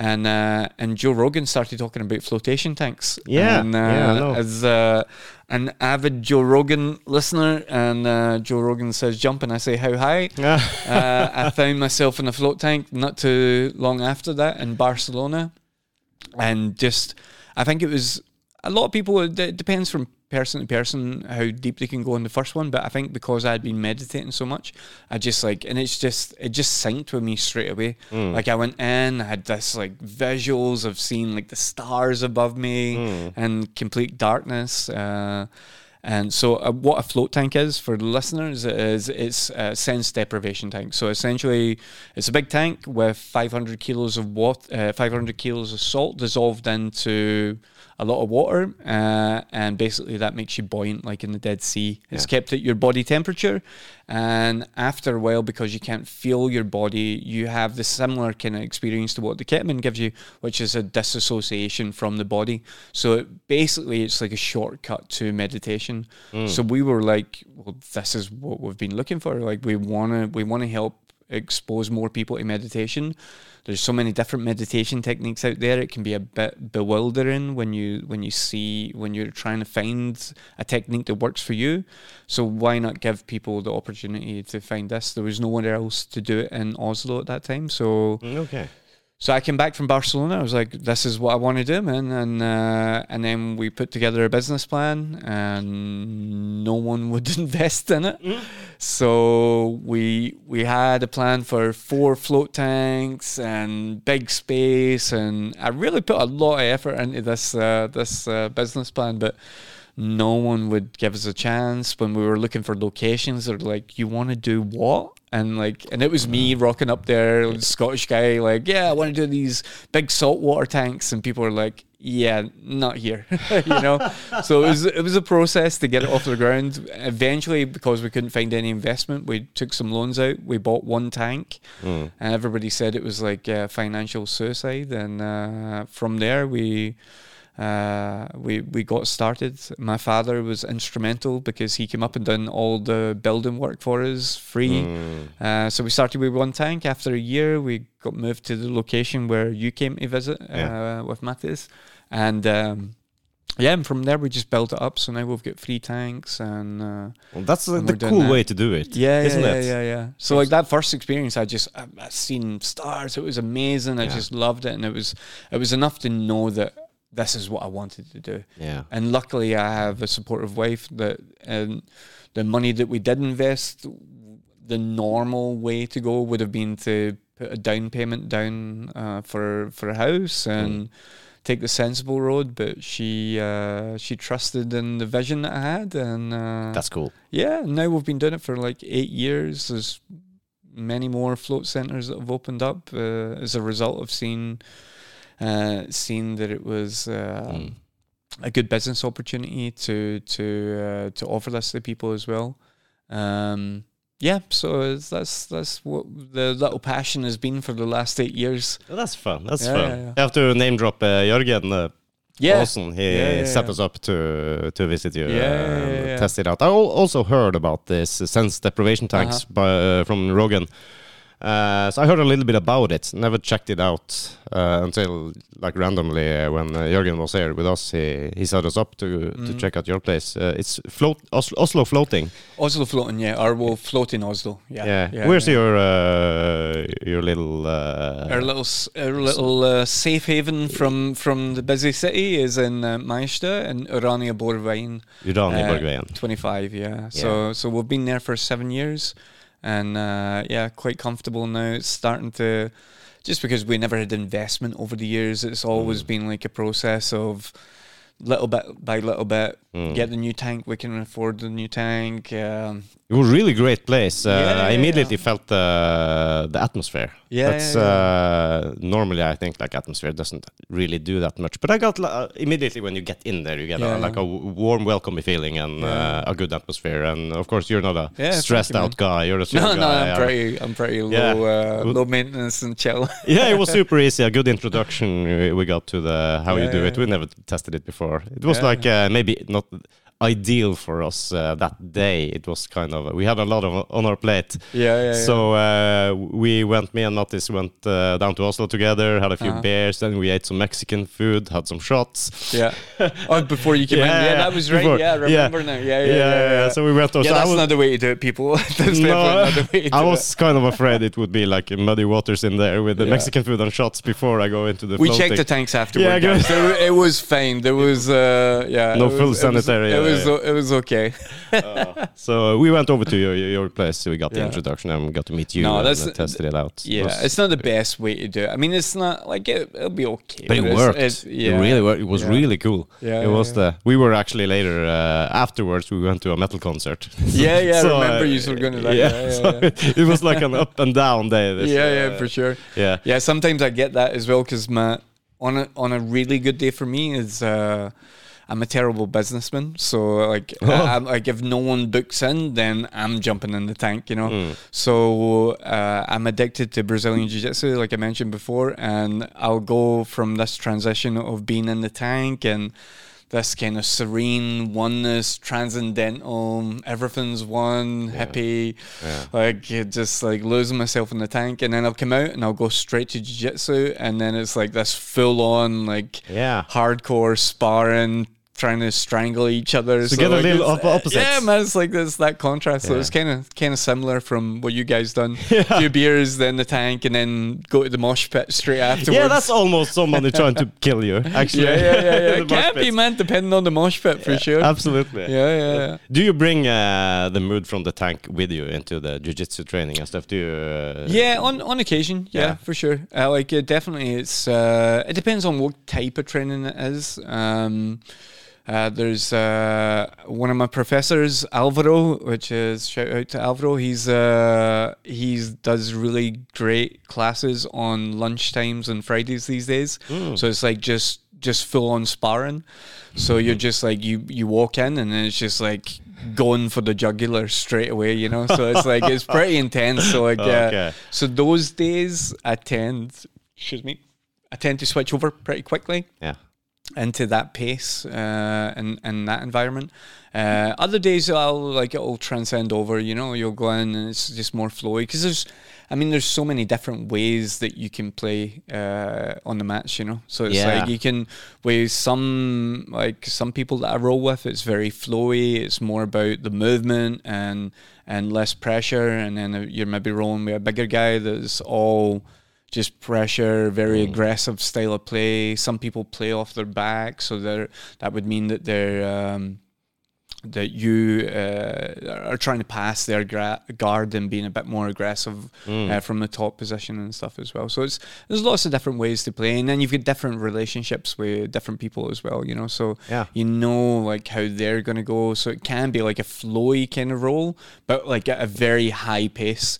And then other ones it's very slow. You're rolling with maybe like a white belt, and you're trying to slowly kind of show show Yeah. them what's kind of possible. So like making mistakes for them, and then it could be like nice and. Uh, uh, nice and calm because you're like it'll be a calm roll because you're in control basically like they're not going to be doing anything Yeah. and you can maybe leave an arm out that would be perfect for a kimura or Oh, uh, yeah, for an armbar or something and see if they notice it you know and if they don't notice it like okay look look what you missed you could have went for this at this Ah, point I you know see. That's Uh, cool. as a result now you're in a triangle and you're uh, tapping out you know Do you ever get caught? Oh yeah, yeah, yeah, Yeah. Of course, man. Of course. There's always you've you've got to accept being the hammer, and you've got to accept being Ah, the nail. yeah. You know. Yeah, yeah. Sometimes you're gonna get you're that nail, and you just have to ex, uh, accept it and uh, Mm. and deal with the punishment. You know. Yeah. How long have you been doing jiu-jitsu? Six and a half years. Six I think. and a half years. Yeah. You gone far? Yeah. You have a belt, I pr- presume. Uh, yeah, yeah, I've got uh, my purple belt. Uh, Oh. I got my purple belt last year. Oh, Uh, was pretty- congratulations. Pretty, happy with that. yeah. Uh, and uh, yeah, it's, uh, it's. I mean, th- I would say that's my major passion. Okay. Uh, Yeah. My goal would be to to maybe teach one day, um, and just to keep on practicing. So Mm. next year, I'm hoping to go down to the Europeans, and uh, so it's the the biggest competition in Europe, basically, Yeah. uh, and compete there. Oh, Uh, you, you yeah, yeah, yeah. thinking So- about competing? Oh yeah, I've been competing all the way through as well, but you have? on in Yeah. local tournaments. Yeah, so yeah, so there's a few in Oslo, a few around Norway. Uh, you've got um, so the trouble with the local tournaments is you tend to meet the same people in most of the tournaments. Mm, you know them, kind Yeah, of. exactly. And I, I train at Frontline Academy, one of the best uh, academies, in my opinion, Mm. uh, and uh, and uh, and certainly Scandinavia and, and, and Europe as well. Yeah. Uh, we're very blessed to have like just fantastic instructors that have been competing at the highest level. Uh, Yeah, and have lineage all the way back to the origins of jiu-jitsu. Uh, shout out to Teta, Ah, and cool. uh, he's our head professor. And um, so yeah, it's like um, lost my train of thought.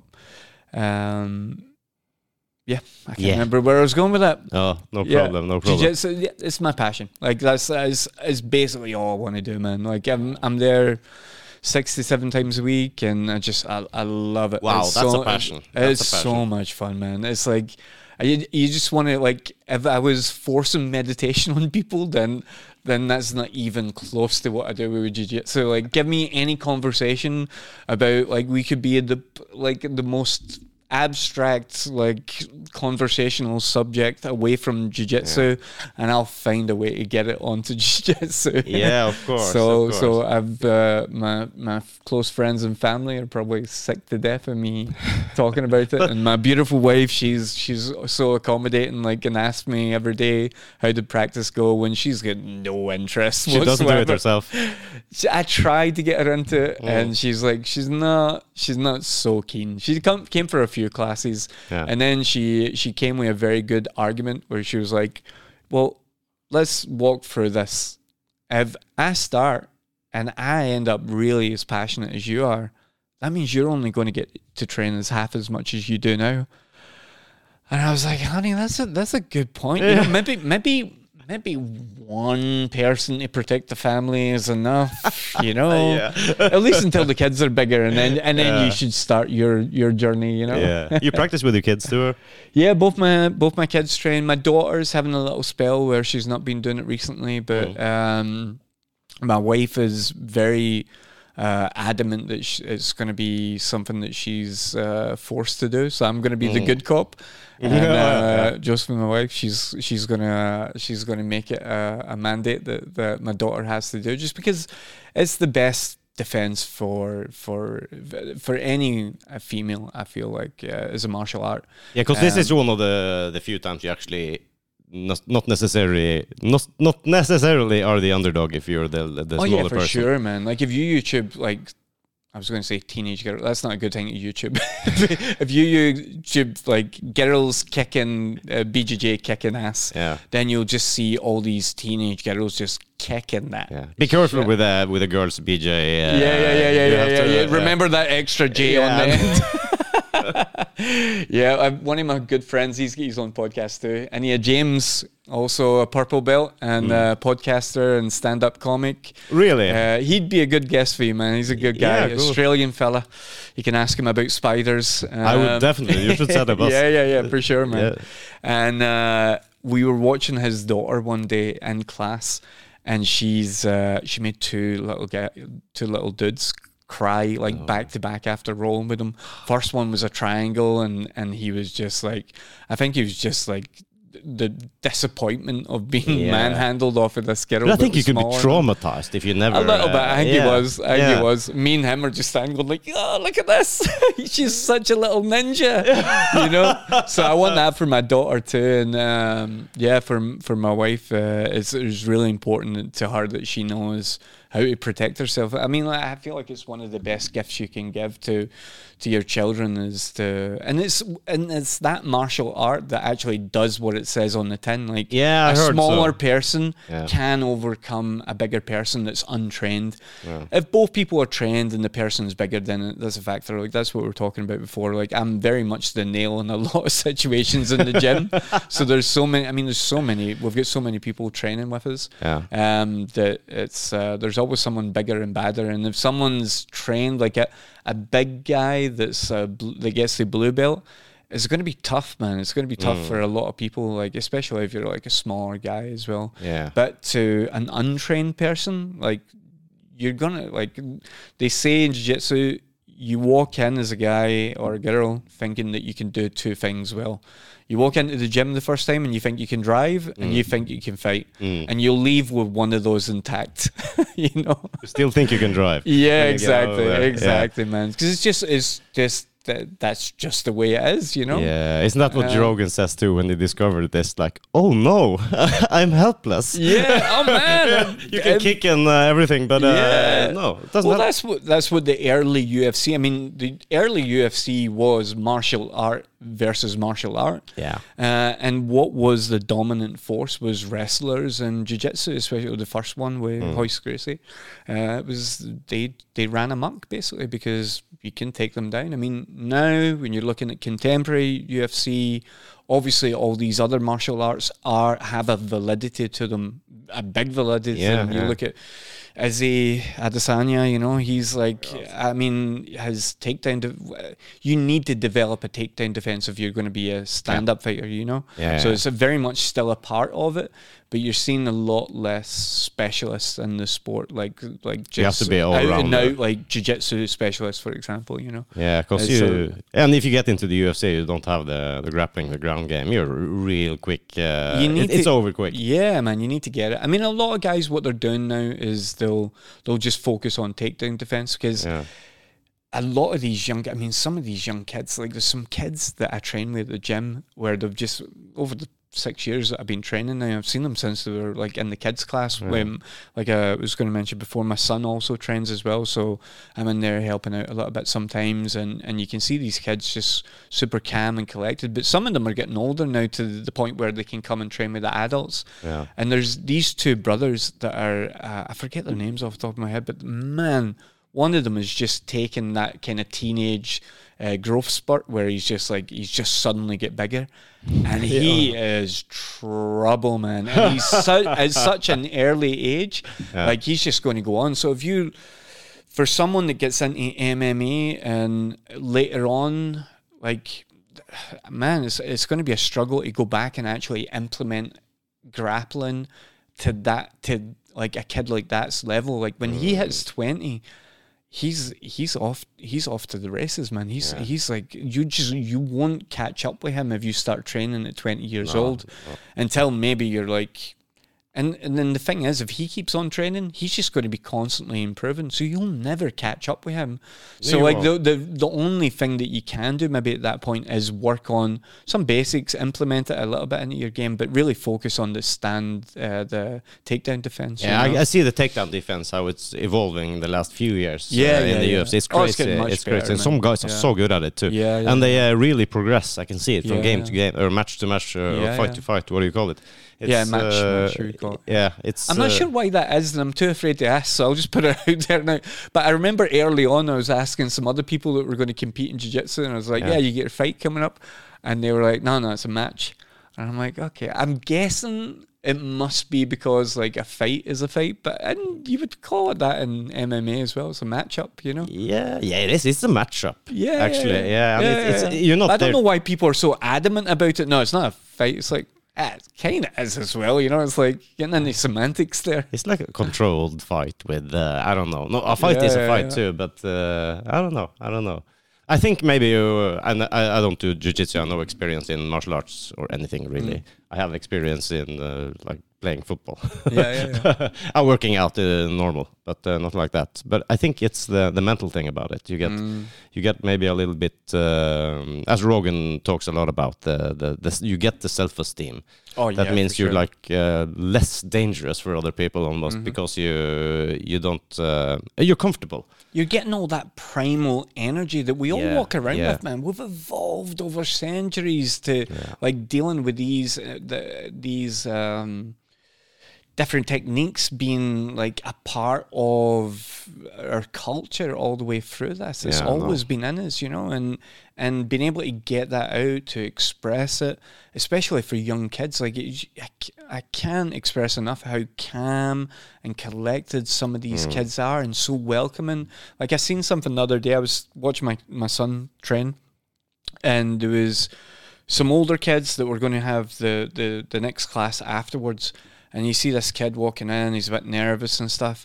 And this other kid just walks up to him, mm, can't be older than 12, 13 max. Mm. Goes up to him, puts his arm around, is this your first day? Like over his shoulder. Yeah, man, so you can train with me and I'm going to, like, I'll show you some stuff. It's going to be great. Don't worry about it. No need to be nervous. Wow. All in the region of course, but just like, like, I would never have had the confidence to do that at that mm. age with like another like no you another peer that was walking in. yeah And you know, and like that confidence to just go and reassure someone, it's like Mm. it's very um gives you a lot of optimism for for for the future generations. Yeah, you it know? does. And I, I guess this is like, I think that's a generational thing as well. That kids are more comfortable Mm. in different settings like that these days. But I think there is something uh, to be said for like that community in jiu-jitsu that is very welcoming. It's not this meathead kind of like No. stereotype typical way that you people would expect it to be you know it's like it's just a bunch of people that are like really passionate about the same Yeah. thing and very welcoming and will strangle the shit out of you yeah, yeah. That's the thing also because you're not pounding each other in the head. You No, not get brain good- injury. Of course, you can get injuries. Everybody yeah, gets yeah, injuries in uh, different scenarios. But well, I mean, most of the injuries come from the ego, you know, and that's another aspect of it, like the growth that you get mentally from it. Like you're, um, you, you grow so much as a person, man. Like I've, I've spent, I've, I've learned a lot about myself on those Yeah. mats, and um, I think maybe feeling helpless when you're lying there. There's nothing you can do. There's a person there, might Ex- be smaller than you, younger than you, just better than you. and ex- and just accepting that vulnerability, being yeah. comfortable in that vulnerability as well. And like most of the injuries do come, like I was going to mention, is through ego and not wanting to tap. Like the Mm. worst thing I have I've had is like, uh, and I was really lucky. It never lasted too long, but uh, I had my knee pop a little bit, and it was Mm. because a white belt was like bigger white belt being quite aggressive, doing something that he's not actually allowed to do, Okay. and instead of me going like, "Hey, buddy, you're not actually meant to. You can't move the knee in that way because it can be quite dangerous, you know." And uh, instead of me doing that, I was like, "I'm just going to fight out of this, and I'll tell him afterwards." and then pop, my knee goes, you know, and I'm like, Ah. "Oh, I'm such an idiot," you know. That's Uh, reality. Yeah, man. Like you get way more injured from playing stuff like football and or whatever. You know, like Yeah. it's very safe to do when you're um, when your when your ego's in check and you know when to tap. Yeah. I mean, you've get a get out of jail free card whenever you want. you just Yeah, yeah. tap them on the arm or wherever, and it's uh, then it's they'll let you go.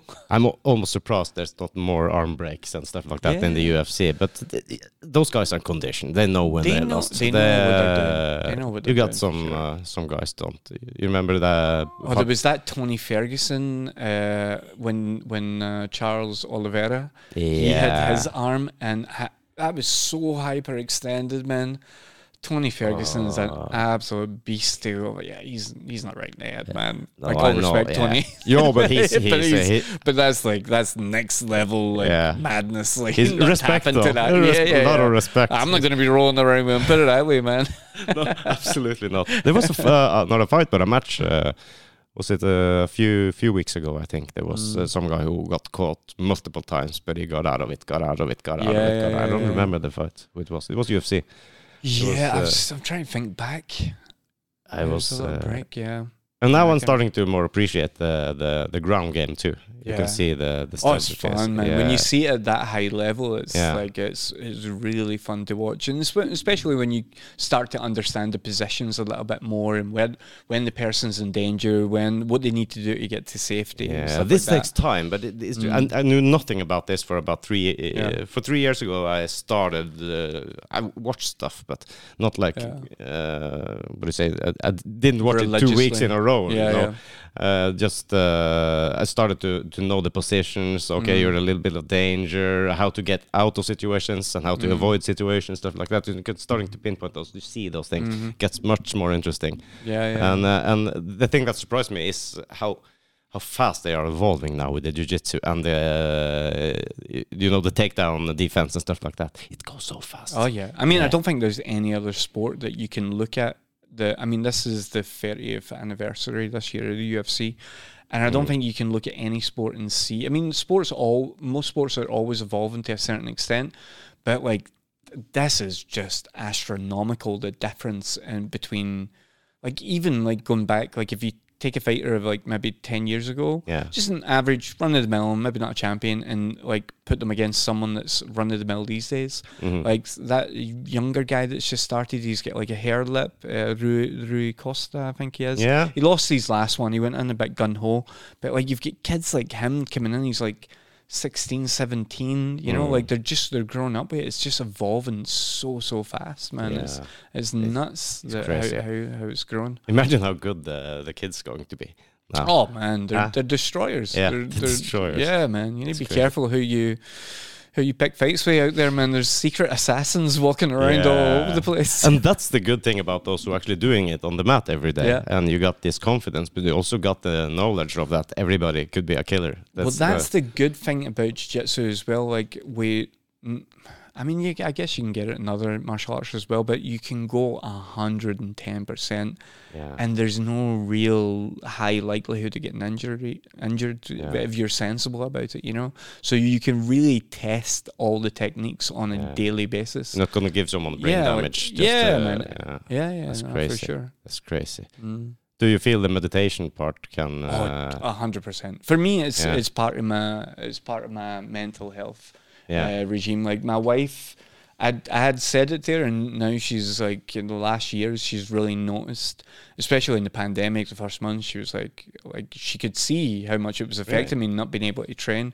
Um, one because I'm just so passionate about it, but it is like you come out from like after practice and it's the same feeling I get when I come out after the tank or any kind of sitting Yeah. practice. I'm clear in my mind, I'm calm, Mm. I'm relaxed, I'm content. There's like there's just it's it's a it's a movement meditation. It's Yeah. the, the same as yoga is movement med- meditation as well, you know. It's Yeah. like it's movement meditation. yeah, yeah, yeah, movement based Is meditation.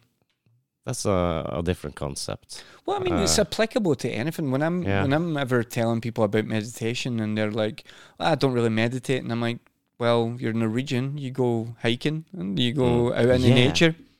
That's a meditation, man. You're out there. You've got no distractions. You're you're there. You're in the moment. You might be chatting with people and stuff like that, but you're still out there in a meditative practice." And I'm like to my friends that skateboard, like.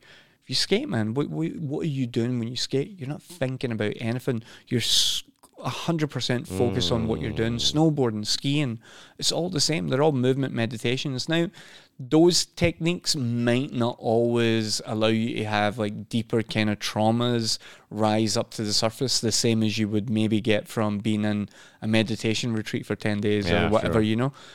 But it's still a meditative It's a- act. it's a that br- benefit. yeah, and it brings you down to like that nice, calm Yeah. space, you know. It's And- interesting that yeah. I, I I've noticed I I walk uh, a lot, Yeah. uh, hiking with my dog and stuff like that, but usually always alone. I I'm- I don't meet people when I'm up because I, I don't uh, travel on those busy places. yeah. yeah.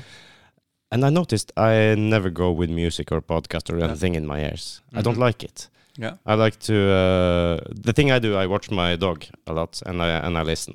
Yeah, yeah, That's yeah. the only thing I do. Uh, there's a lot of on the mountains and the forests, uh, not on Yeah. roads, but like uh, like uh, smaller uh, Mhm. smaller uh, tracks.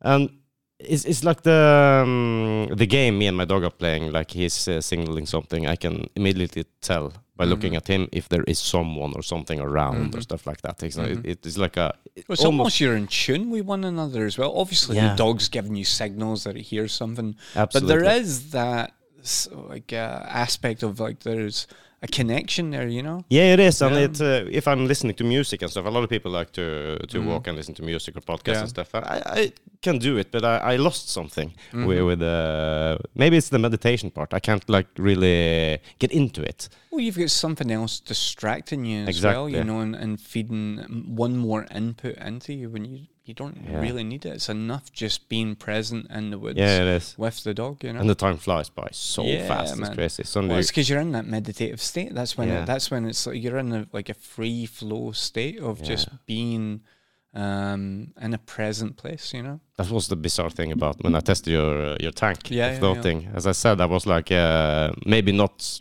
prepared uh, to Mm. be in a meditative state and go in there, but uh, it was absolutely incredible when you first closed your eyes Mm. and you maybe like 10 minutes i used to like to not be too aware of my breathing but i had to like regulate it because Mhm. i have the ten- tendency to get too aware almost of my breathing Mm. and that's all i hear and all i uh, i don't like uh, let myself uh, float Mm.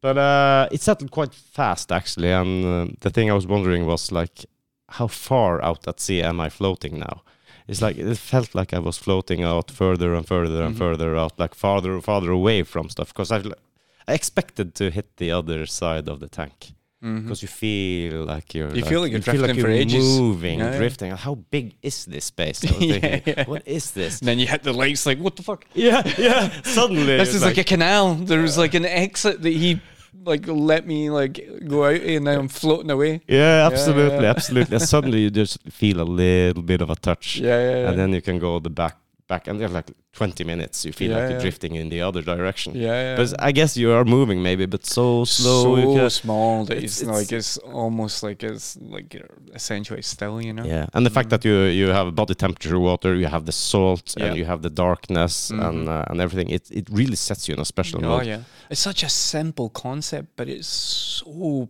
it works so well, man. Yeah, it does. I figure if you do that uh, a little bit more, if you try it often, I think you can get more from it too. You get like oh yeah, uh, hundred yeah, percent, yeah. hundred percent. Yeah, you get more like again, it's like uh, it's the same as the the ketamine treatment. Like you can get like we've had people that have come in and they've, they've said that this has kind of saved them. You know, just starting this process again, not on its own.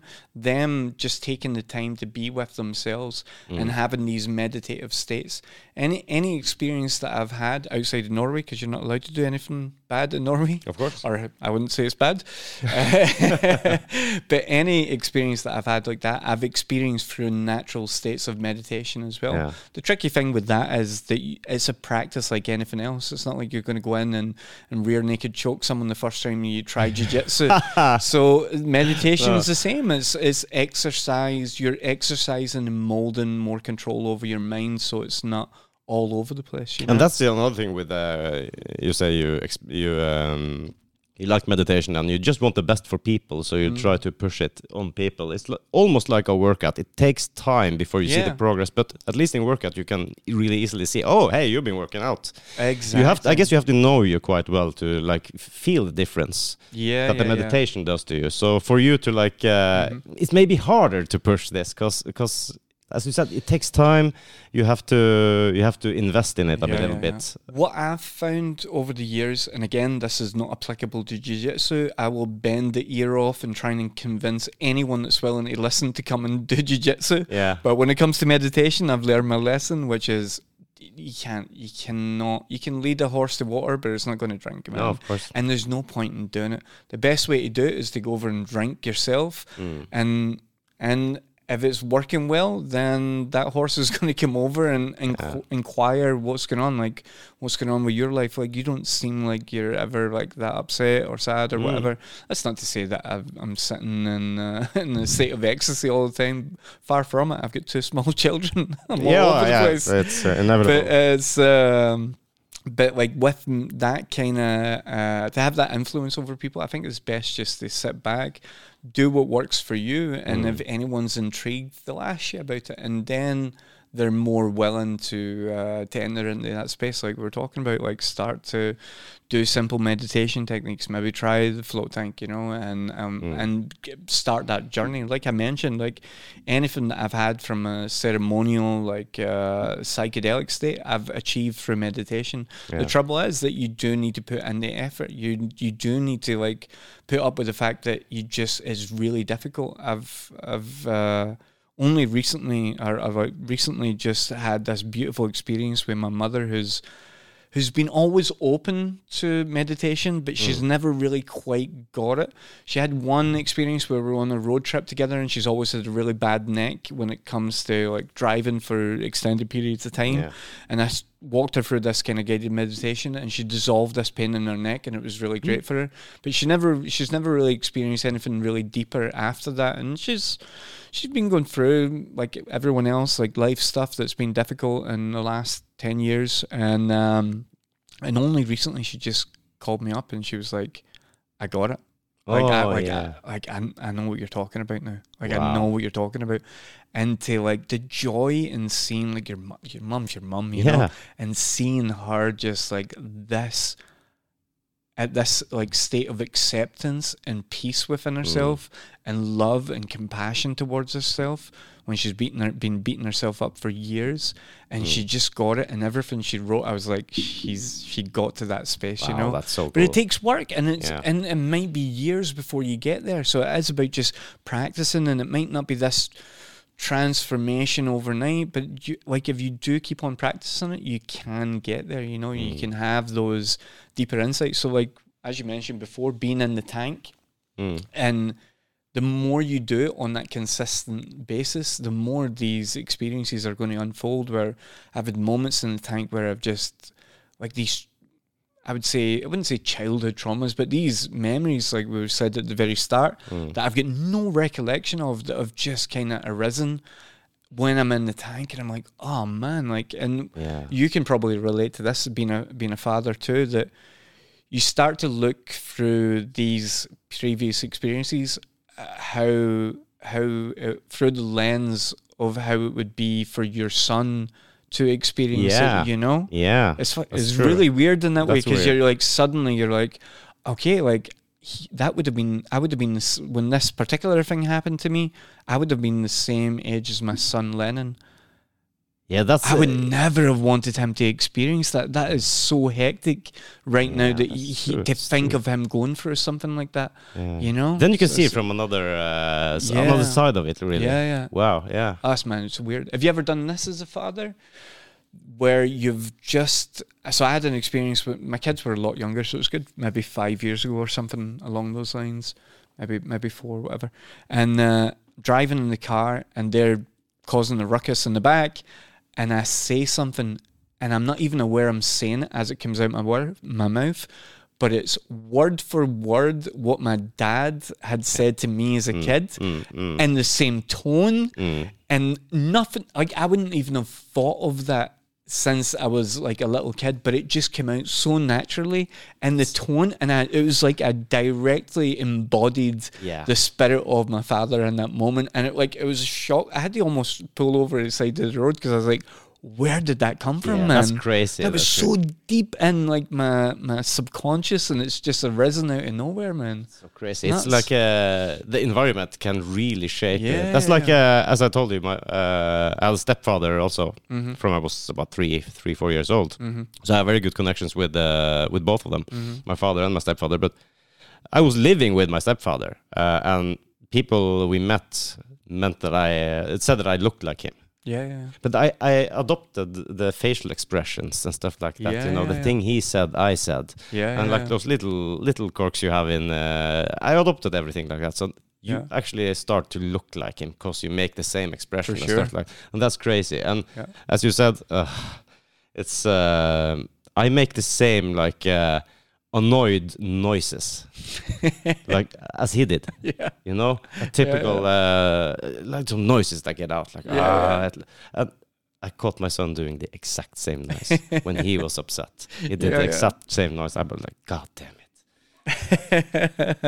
and then you can see how much of an impression you have on those kids. Oh yeah, yeah, yeah, for sure. They're picking up everything from us all the time, man. All the good, all the I bad, all these moments is scary to think about, man. But it's hundred percent true. Yeah, I'm from northern Norway. We have a, a loose sense of uh, what do you call it? Uh, language and scenarios. We have a rough language over there. We Yeah, swear yeah. a lot, and Yeah, it's yeah, like yeah. a cultural thing. I'm not sure if you're aware of this, but well, uh, I, don't, I'm not aware of it, but I, I come from the same situation, man. yeah, right. Yeah, Yeah, right. So uh, I like use bad words in my Yeah, yeah. daily vocabulary. Yeah, yeah. I do it. Everyone does it where I'm from, and it's Yeah. like it would be.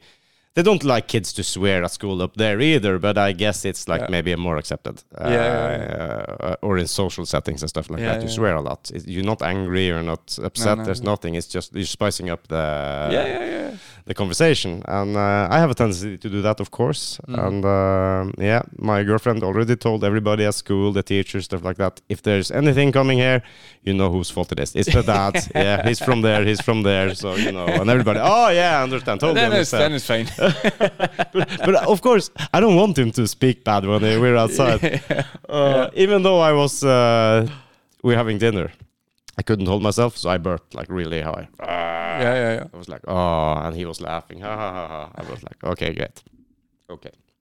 And then we had a, a confirmation party now recently. Someone turning, uh, you're going to confirmation to church, everything, Mhm. and dinner after, stuff Mhm. like that. What do you think he did? In the fanciest dinner he's ever been to. I was so embarrassed. But, hey, you don't do that. And my girlfriend said, "Why not you do it?" so sh- I caught him. She caught me. Yeah, you yeah, know yeah, why yeah. I did that? Exactly. Yeah, I know. I know why I did Do that. as I say, not as I do. Exactly. That's not possible. I think. No, no, If no, you're no, no. uh, if you're a father figure or you're uh, something like that, you, it's not possible. I, I I've adopted the philosophy that I let my kids swear in certain scenarios, and I try Yeah. and like show them that it can be a good use of uh, vocabulary sometimes Yeah. to uh, give something more depth or like give it the strength that it needs in certain situations.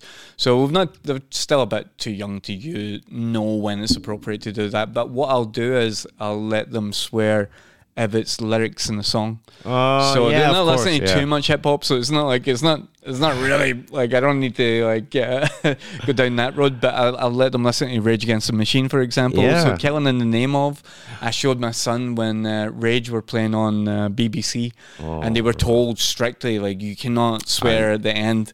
And then there's that famous, Yeah. and Zack de la Rocha is just like he's building it up and building it up, It's and the then best. he, I showed my son that, and he was like, "That is the best Yeah. thing I've ever seen." Like the just like the yeah, like putting you putting uh, your fist up to like the the, Fuck the man. establishment. Yeah, fuck, the man. yeah. Yeah. So and I, and I gave him like all like like the scenario about that, like what what the lyrics really mean. like, Yeah. some of those where uh, the workforces. Uh, yeah, you know, you know, it's like it's so he really kind of got the vibe for it. Yeah. So then when we play it in the car, the rule is that you can shout that "fuck you." I want to you tell to. me as loud as you want. And my daughter was like, she was very timid about it in the beginning, and Mm. me and my son were like, were trying to like build her up the courage to do it. And then like once she once she got the courage, she's never looked back. She's That's like, so cool. Okay, Yeah. she's all in. yeah, she's all in, man. she Oh, loves it. So she's like, "Can I put Rage on? Can we put Rage on?" I'm like, "Yeah, yeah. honey, we can put Rage on." Yeah, but you know, you noticed uh, every like uh, generation has those bands, those politically Yeah, uh, yeah, fuck yeah. man band. Uh, Mhm. I think we need that. And you, everybody's talking these days about the bad uh, role models, and Mm. uh, you influence uh, the younger genera- generation. You have to Mm. do the exact right thing, say the exact right yeah, thing. yeah, yeah. Who were we influenced by? I, w- I'm born in 1982, Mhm. and you got I'm 83, just by Yeah. and uh, my favorite band was Guns N' Roses. You know, but I sang Guns N' Roses lyrics before I knew what they meant. Yeah, like uh, some dodgy ones in there. I've been dancing hindsight. with mas- Mr. Brownstone. You know, I have no idea what I was singing about. Yeah, yeah, either. yeah, Uh, uh, yeah, you got some uh, some good ones there. Yeah, yeah, yeah, yeah. But that's at least uh, an area where I I'm ag- totally agree with you. You should be able, your kids should be able to enjoy and to sing the Mm. lyrics of songs at least, because songs are what they are. Yeah, exactly, man. You can't uh, like what are- what are they gonna skip those words if they're singing? Yeah, yeah, yeah, yeah. Makes and they're no going sense. to they're going to be exposed to it Exactly, sooner or later, man. exactly. We've always adopted the philosophy as parents to to be open, to be honest. If questions come in, Yeah. my son had been I wouldn't say bullied necessarily, but he two older kids were coming up and making fun of him because he didn't know what sixty nine meant. so he comes home from school and asks uh, asks my wife. So she's like, "Okay, let's tackle this one." She was like.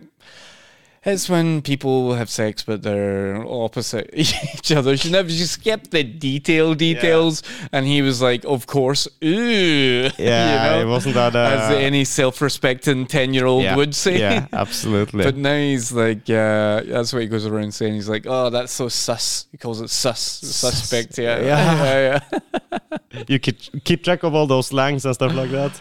I try to, man. Yeah. Like I see myself as like, uh, I would say, uh, my finger on the pulse of like what's going on. In reality, I know that I've got no chance. You're getting old grew- fast, yeah, right? man. I'm getting older. I'm getting Oh older, so I'm not going to be able to keep up. But um, music-wise, man, like I love a lot of the music that he he brings to me, and. Yeah. Uh, That's cool. there's something, man. There's like a, anyone. I think that when you really love music, and uh, and I love.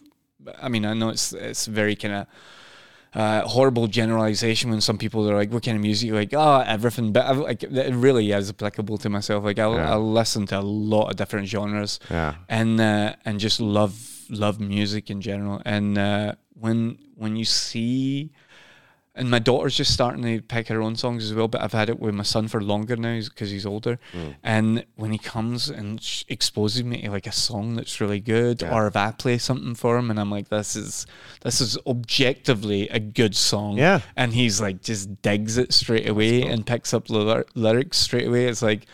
Oh man, that's like that's that's a high level of joy that I, I get. you feel like you succeeded. Almost. Yeah, man. Yeah, know. yeah, This yeah, is yeah, it. yeah, I did yeah, it. It's like epigenetics, you know, like Yeah. like genetically passed on good taste in music, you know. Oh, that's crazy. Yeah, I had uh, like my mom uh, was kind of uh, into rock and stuff like Yeah. uh, uh, Thin Lizzy, uh, a lot of Queen, stuff like that. I got that and the boring Norwegian stuff, uh, like Jørn Hoel and, uh, Yeah, yeah. and stuff like that. So I got that from her. I was really early into Guns N' Roses and uh, that scene, Mm. Metallica afterwards, and uh, then I almost put back to a little bit more early, like Zeppelin and uh, those kind of stuff, and Mm. moved there to my father, and then it was more like biker music, stuff like that, and Okay. then I got into blues because of him, also blues Yeah. and uh, uh, reggae. Mm-hmm. Actually, it's crazy. I never thought I would listen to reggae, but some of those songs are actually really, Oh, really good. Some great reggae music. Yeah, I know there is, there is. So I really got into that stuff, and uh, I hated everything that was on the radio for many, many years. Mm. I hated it, really hated it. I was like, uh, It's hard not to, man. It's just re- repetition, you know. It's but I it's- to relax a little bit now. I like, yeah, okay, if it's a good song, it's a good song. I don't Yeah, care yeah. who sings it or where Mm. it's. Is it on P4, P4? It's okay. Mhm. It, you can listen to it if you want. yeah, yeah, Uh, yeah. you don't have to shut it off. No, no, no, no. No, I No, remember. you don't I- need to be a music snob all of the time. No. I used to have a thing that if someone, even if it was good and I liked it, if someone brought music to me, I, I needed to find it myself. Or I just, Oh, I just couldn't enjoy it the same way as if I was. Hmm. We listened to another podcast, myself and my wife. And it's an Irish guy, and he's, he loves music. A great musician himself, and just like deep dives into like music history. So we do like an episode on Daft Punk and how they found their song, their their sound, and stuff like that. Just like really um, inquisitive and stuff like that. And uh, and I completely forgot what I started talking about him. Something about music. What was I going to say? Yeah, you listen to uh, listen to a podcast. There was something about music before that. Something about music, man. This is what happens when you've got a couple of kids and it starts getting late at night. Your brain just like gives up halfway through a thing. It's like, I'm going to start this. I've recently discovered I've got ADHD as well. I'm pretty Oh, sure do? on it. So then the mind is just like all over the place, you know? yeah, my girlfriend just something about music got that. anyway. Yeah, something about music. something about But I'm used to it. I think I got the tendency of ADHD or something like that. Yeah, yeah, I think yeah, so. yeah. My girlfriend just uh, she's got ADD, I think. Okay, yeah, yeah, Uh, yeah. so yeah. same variant. Mhm. So something different. I'm not sure. Mhm. But yeah, it can make stuff with, with your head. You can be a Oh little man, bit all over oh the place. no, definitely. She's got a like a tendency to start something and Yeah. don't finish that, and she begins with something else over there. Like a total chaos, Yeah. total chaos. But she Yeah. makes it work. It Yeah, yeah, works. yeah, but for me, I like uh, I'm more uh, OCD. Yeah, yeah, yeah, yeah. yeah. I need uh, everything uh, set up. I need this has to be straight. This has to lie there. Yeah, you're more like my wife, man. We're, Yeah. we're on this like a little bit of journey. She's like, we're pretty sure I've got ADHD, and she's on the spectrum with a bit of autism as well. you like to sleep in long. Ye- Yeah, what was that? Sorry, say again. You like to sleep in in the morning, or are Dude, you I've got two early? kids. I don't even remember what it was to sleep in. My son wakes up like it's a Disney movie and there's birds chirping around Yeah. him, excited. But who's most day. tired? You, uh, you and your uh, girlfriend. Oh, my wife. Like, I live in a fantasy land where I get to train jujitsu Ah, and, and yeah, stay up late. If I'm late, like, if I'm up late, I'll jump in the float tank in the morning. Oh, and, like, shit. like I live in a, She has, she has provided, like, the fantasy life for me. So I don't get to complain. Oh, no. no, no, no, no, no. What's a typical day for you then? Uh, so waking up. So uh, my wife starts early. I'll take the kids to school. Uh, they they're uh, currently they're in Barnhagen School, just around the corner from the float centre. So I'll drop them off. Then I'll go round to the float centre. I'll clean up the day uh, from the day before, ready for if anyone's going to float. Uh, if someone's in for a float and it's someone I know, then I'll jump in at the same time if one of the tanks are available. If it's a new person, then I'll uh, begrudgingly and sit and wait there in case they came out early and wait for my chance to go in for a float. Yeah. So you hope there's a little possibility. exactly. And then uh, after that, 12 o'clock every day. I used to uh, rearrange appointments all the time. So if there was no bookings, I would go train, but then I rearranged the opening hours. So we were closed from 12 to, or from 12.30 to 2 o'clock. Yeah. So then I'm at the gym every day um, and go train from, from that period, then pick up the kids afterwards and then it's just a barrage of different activities for Yeah. my son. I don't know how I'm going to cope when my daughter starts having activities as well. You know, it's like uh, it's uh, it's going to be it's going to be problematic. But he's got football training twice a week, then a game. And then he's got jiu-jitsu practice and jiu-jitsu tournaments and stuff, and then all the other school activities. So then it's like normally just doing something along those lines, and then Yeah.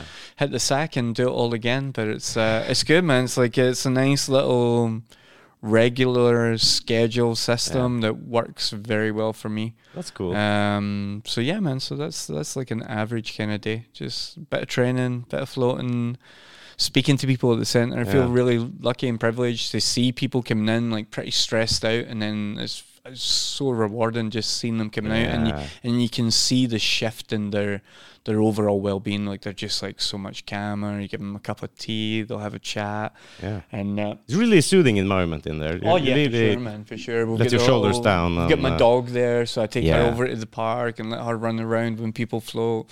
It's uh, it's good, nice, relaxing, relaxing environment, and people are so open. Like it's it's such a privilege to be able to be in that position and see people. Uh, come out and be so vulnerable but secure in the Mm. vulnerability because this this space feels safe to them and just open up about uh, things that are going on in their life and they're Mm. so sharing it's like because it's almost like you come out like when you've had one of these deeper transcendental floats you come out kind of almost high from it you know you're like you're so elated and Mm. and like want to talk and share that's uh, one of the newer float centers in town they've um it's a guy from Arundel, and he's opened up a, a self-service float center. So it's almost like a solarium. yeah. So you just go in, and it kind of like I, I don't get it personally, you know, because you need to go in, you need to figure everything out on your own. Yeah. Hygiene can be a bit. I mean, people leave the rooms in a mess, you You know, know and, and there's no one's cleaning it. yeah. Yeah. you know what a solarium looks like. People yeah. don't clean up after themselves. Oh. So anyway, I mean, not to talk bad about he, his business, but I mean, one of the biggest factors for me is like that people can have these really deep experiences where they come out and they actually you can see when someone needs a hug afterwards or they need a cup of tea and a chat with someone before they go back into the world you know Or just Is it- sit there, like yeah, uh, just sit there and contemplate, read a book. We've got heaps of books in the back, and Mm. like just like a nice place where you feel like you can chill out and relax just for a little bit, get your collect your Mm. thoughts and stuff, and more importantly, like get, have someone there to talk to if you need them. So it's like I really don't get that concept of having a unmanned float center. And then also just dangerous as well because you get a lot of people that want to experiment and they come in and we don't judge anyone if they come after a few shots and some beers. But i mean if someone's had one too many shots you probably don't want to put them in a saltwater tank where they can potentially drown or something you no, know? of It's course, like- and yeah, you so can it's a bit irresponsible in that in that sense maybe you get a couple of people in there. Suddenly, you never know. They're feeling a little bit frisky you don't know. Yeah, that's a good point actually, Yeah. and uh, I really enjoyed the the part talking to you, get the introduction, Yeah. and uh, you know, like it's okay. Yeah, There's yeah, people yeah, here yeah, too, yeah. and I can just bail and go Yeah, out yeah, sit sit if I feel uncomfortable yeah, yeah, stuff yeah, like yeah, that. yeah. So uh, no, it was perfect. I think Yeah. maybe you need people there oh on yeah site. yeah for sure Yeah, it's like more than just a physical experience. yeah yeah, It's yeah, yeah. uh, it's a little bit more than that. I- definitely I would uh, I would at least say to everybody who didn't try it, at least just being weightless, floating in the salty water, Oh, yeah, is like sure. a really bizarre, cool, fun experience. I never did it. It's before. very unique, man. I was like, it's, Unique, unless you've been yeah. at the Dead Sea, like where where are you going to live, uh, experience something like that? I mean, maybe who knows how cheap it's going to get with Elon Musk and and old Bezos Yeah. flying people into the stratosphere and up above it. You know, Yeah. it's like maybe we get to experience weightlessness up there, but I'm guessing the the float tank is going to be the more affordable. Uh, I would go for the float tank, yeah, for now Yeah, yeah, at yeah, least yeah, yeah, before I get uh, get to be an astronaut. I think Yeah, uh, yeah, chances yeah, are a lot higher, I would experience it. exactly, exactly, yeah, man. And man, if- I can feel like you're up in space sometimes. Like that Yeah. first time I was in there, like I was seeing stars and hallucinating. People who have like synesthesia where they they're seeing colors appear. Like I get that on the regular, and you've got like it's difficult to explain, but it's almost like an emotion that's connected to the color. So it's like this Mm. symbolism that starts to appear and stuff. So it's like it's it's pretty cool, man. Maybe there's something in that stuff too. I've heard a lot of people say, say that. Yeah, uh, yeah, yeah. It's an. I mean, it's a, it's a clinical psychological condition that people Yeah. have synesthesia, where they, they see colors Yeah, and they can they have that, that connection to it. Maybe you know?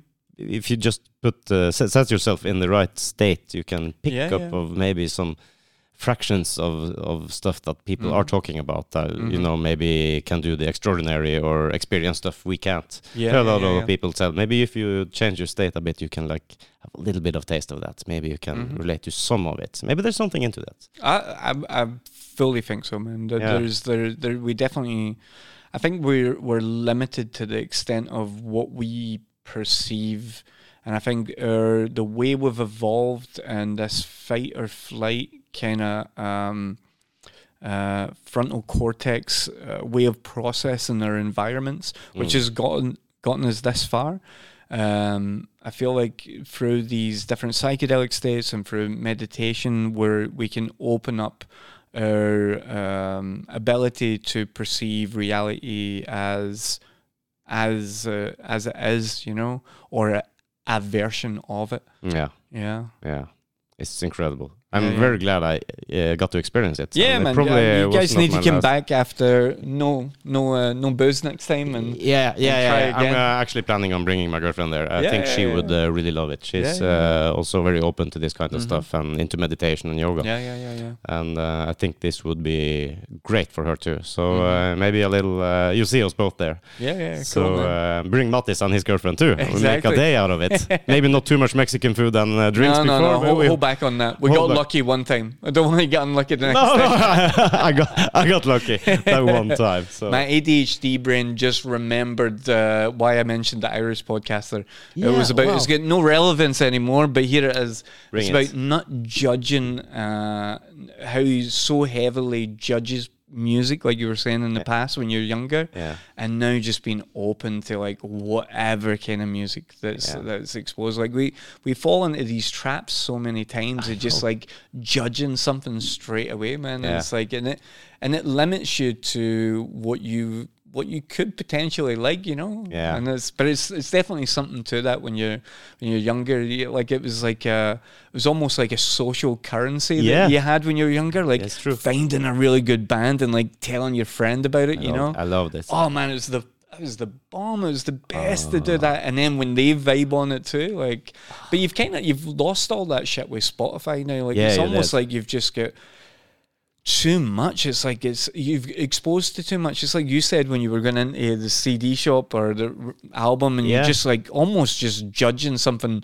on the basis of the artwork on That's the, what the you cover. did You know, because you couldn't look it up Yeah, either, like man, on uh, on Google. no, and that's like, and basically that was the album for that month. That's Yeah. all you could afford, and you need to do a deep dive into like Yeah. exploring the whole thing, you know. And you, it was album art, and you Yeah. always opened Oh, up. best, the, You read the lyrics, and you Yeah. had some photos in there. I've uh, done that little hobby recently as well, or like a few years back. I started buying records again, but it's Oh, so yeah. much process sitting down, and when you've got the kids. it's, Man, so time consuming to go over and like switch it over and stuff. You Yeah. rarely get the time to just sit down and actually like chill for the whole evening, listen to some records. That's a long time I did that. I Yeah, think just yeah, yeah. listening to records. Yeah, yeah, yeah. That's a long time. I got uh, recently a record player actually, yeah, yeah, so yeah. I should uh, definitely go into that. It's, Yeah, it's, yeah. it's something different. It's a different experience, man. It is. Get some like long like chords on a headphone and just sitting with the the, al- the albums and looking through the artwork and stuff. It's it's good and it's a good way to actually like uh, support your band, like your Yeah. bands that you enjoy. You know, because I'm not getting money from anything else about apart from No. live gigs these days. You know. Oh, you have to be on Mm. Instagram, and you have to. Uh, yeah. Yeah, yeah, I guess the touring part is really big now for these guys. Yeah, That's what they. Uh, Well, now the record companies are stealing money off that uh, as well. I mean, that used to be where they would make their money Yeah. on top of like the album sales as well. But now there's no money coming from that. The record companies want a big portion of the pie of the, the live gigs as well, man. It's uh, And it's, hard uh, times to be a musician. But it seems like it's coming back a little bit, the merch Mm. and uh, Yeah, CD so. stuff and uh, things like yeah, that. yeah, People yeah. are finding back to it again, and Yeah, I'm glad. yeah, I'm yeah. glad. I'm really supportive of the musicians, Yeah, artists, stuff like that. I got to know not so many good people, Yeah. uh, talented people here, from Yeah. art to music and stuff. Mhm. I would never, uh, I would never talk to them Mhm. if it wasn't for this podcast, Mhm. and uh, made me appreciate a lot more, a lot more people. Well, that's and the joy do. of doing like doing these podcasts. Like Yeah, I uh, I mentioned before, me and a friend we done one.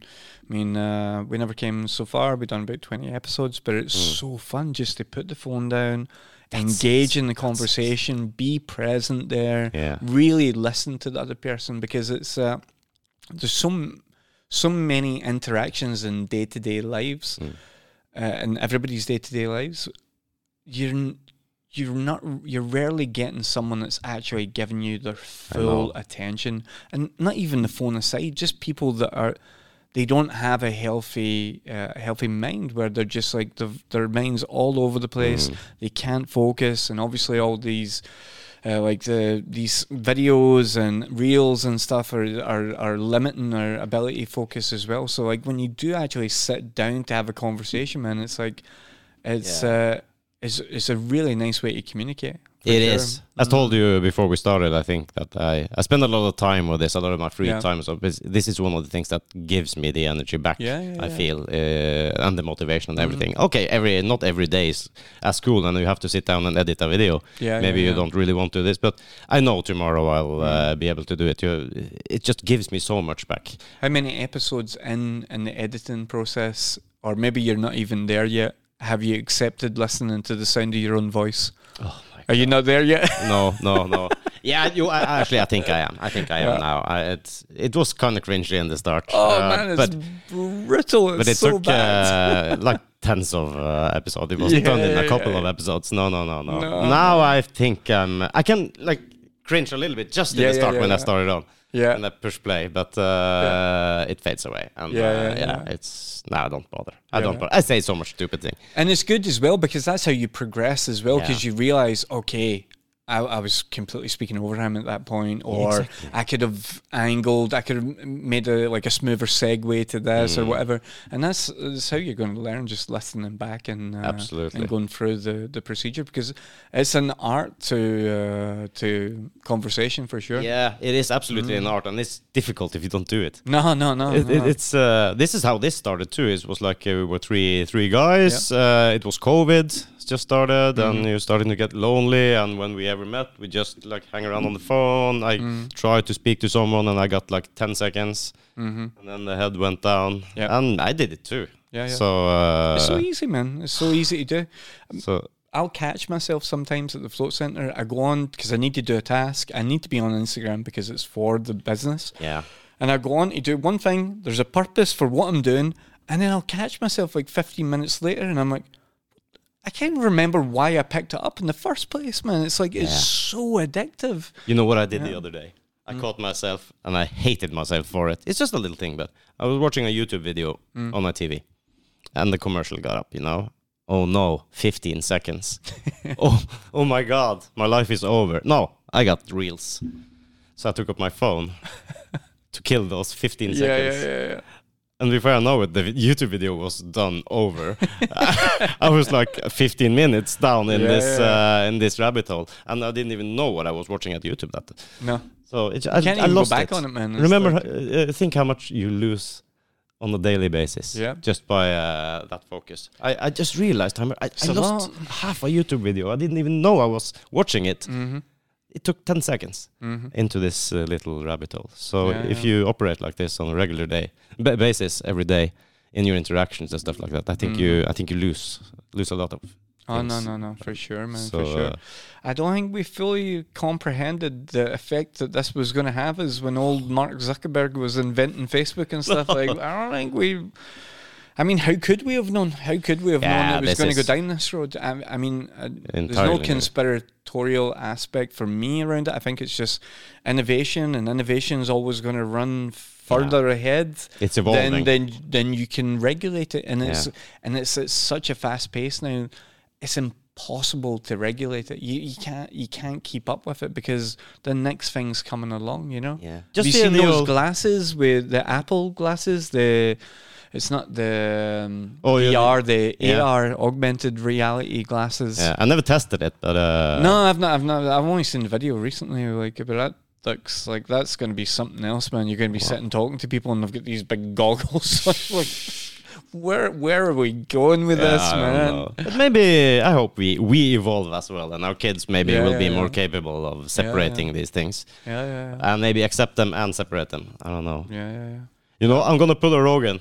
I have to pee. You have to pee. I have to pee. Wanna wrap this Uh, up? We could wrap up, man. I've uh, I've been my phone has been buzzing. It's been on silent. Oh, really, really? So I don't know. I've got a whole mystery of buzzes that have been on. I'm guessing from my missus. We do this one thing where we're talking about social media, which is a kind of nice thing that we do. We we send uh, different videos, funny videos to each other, and Yeah. and then we just save them up, but then watch them together and just Ah, laugh our cool.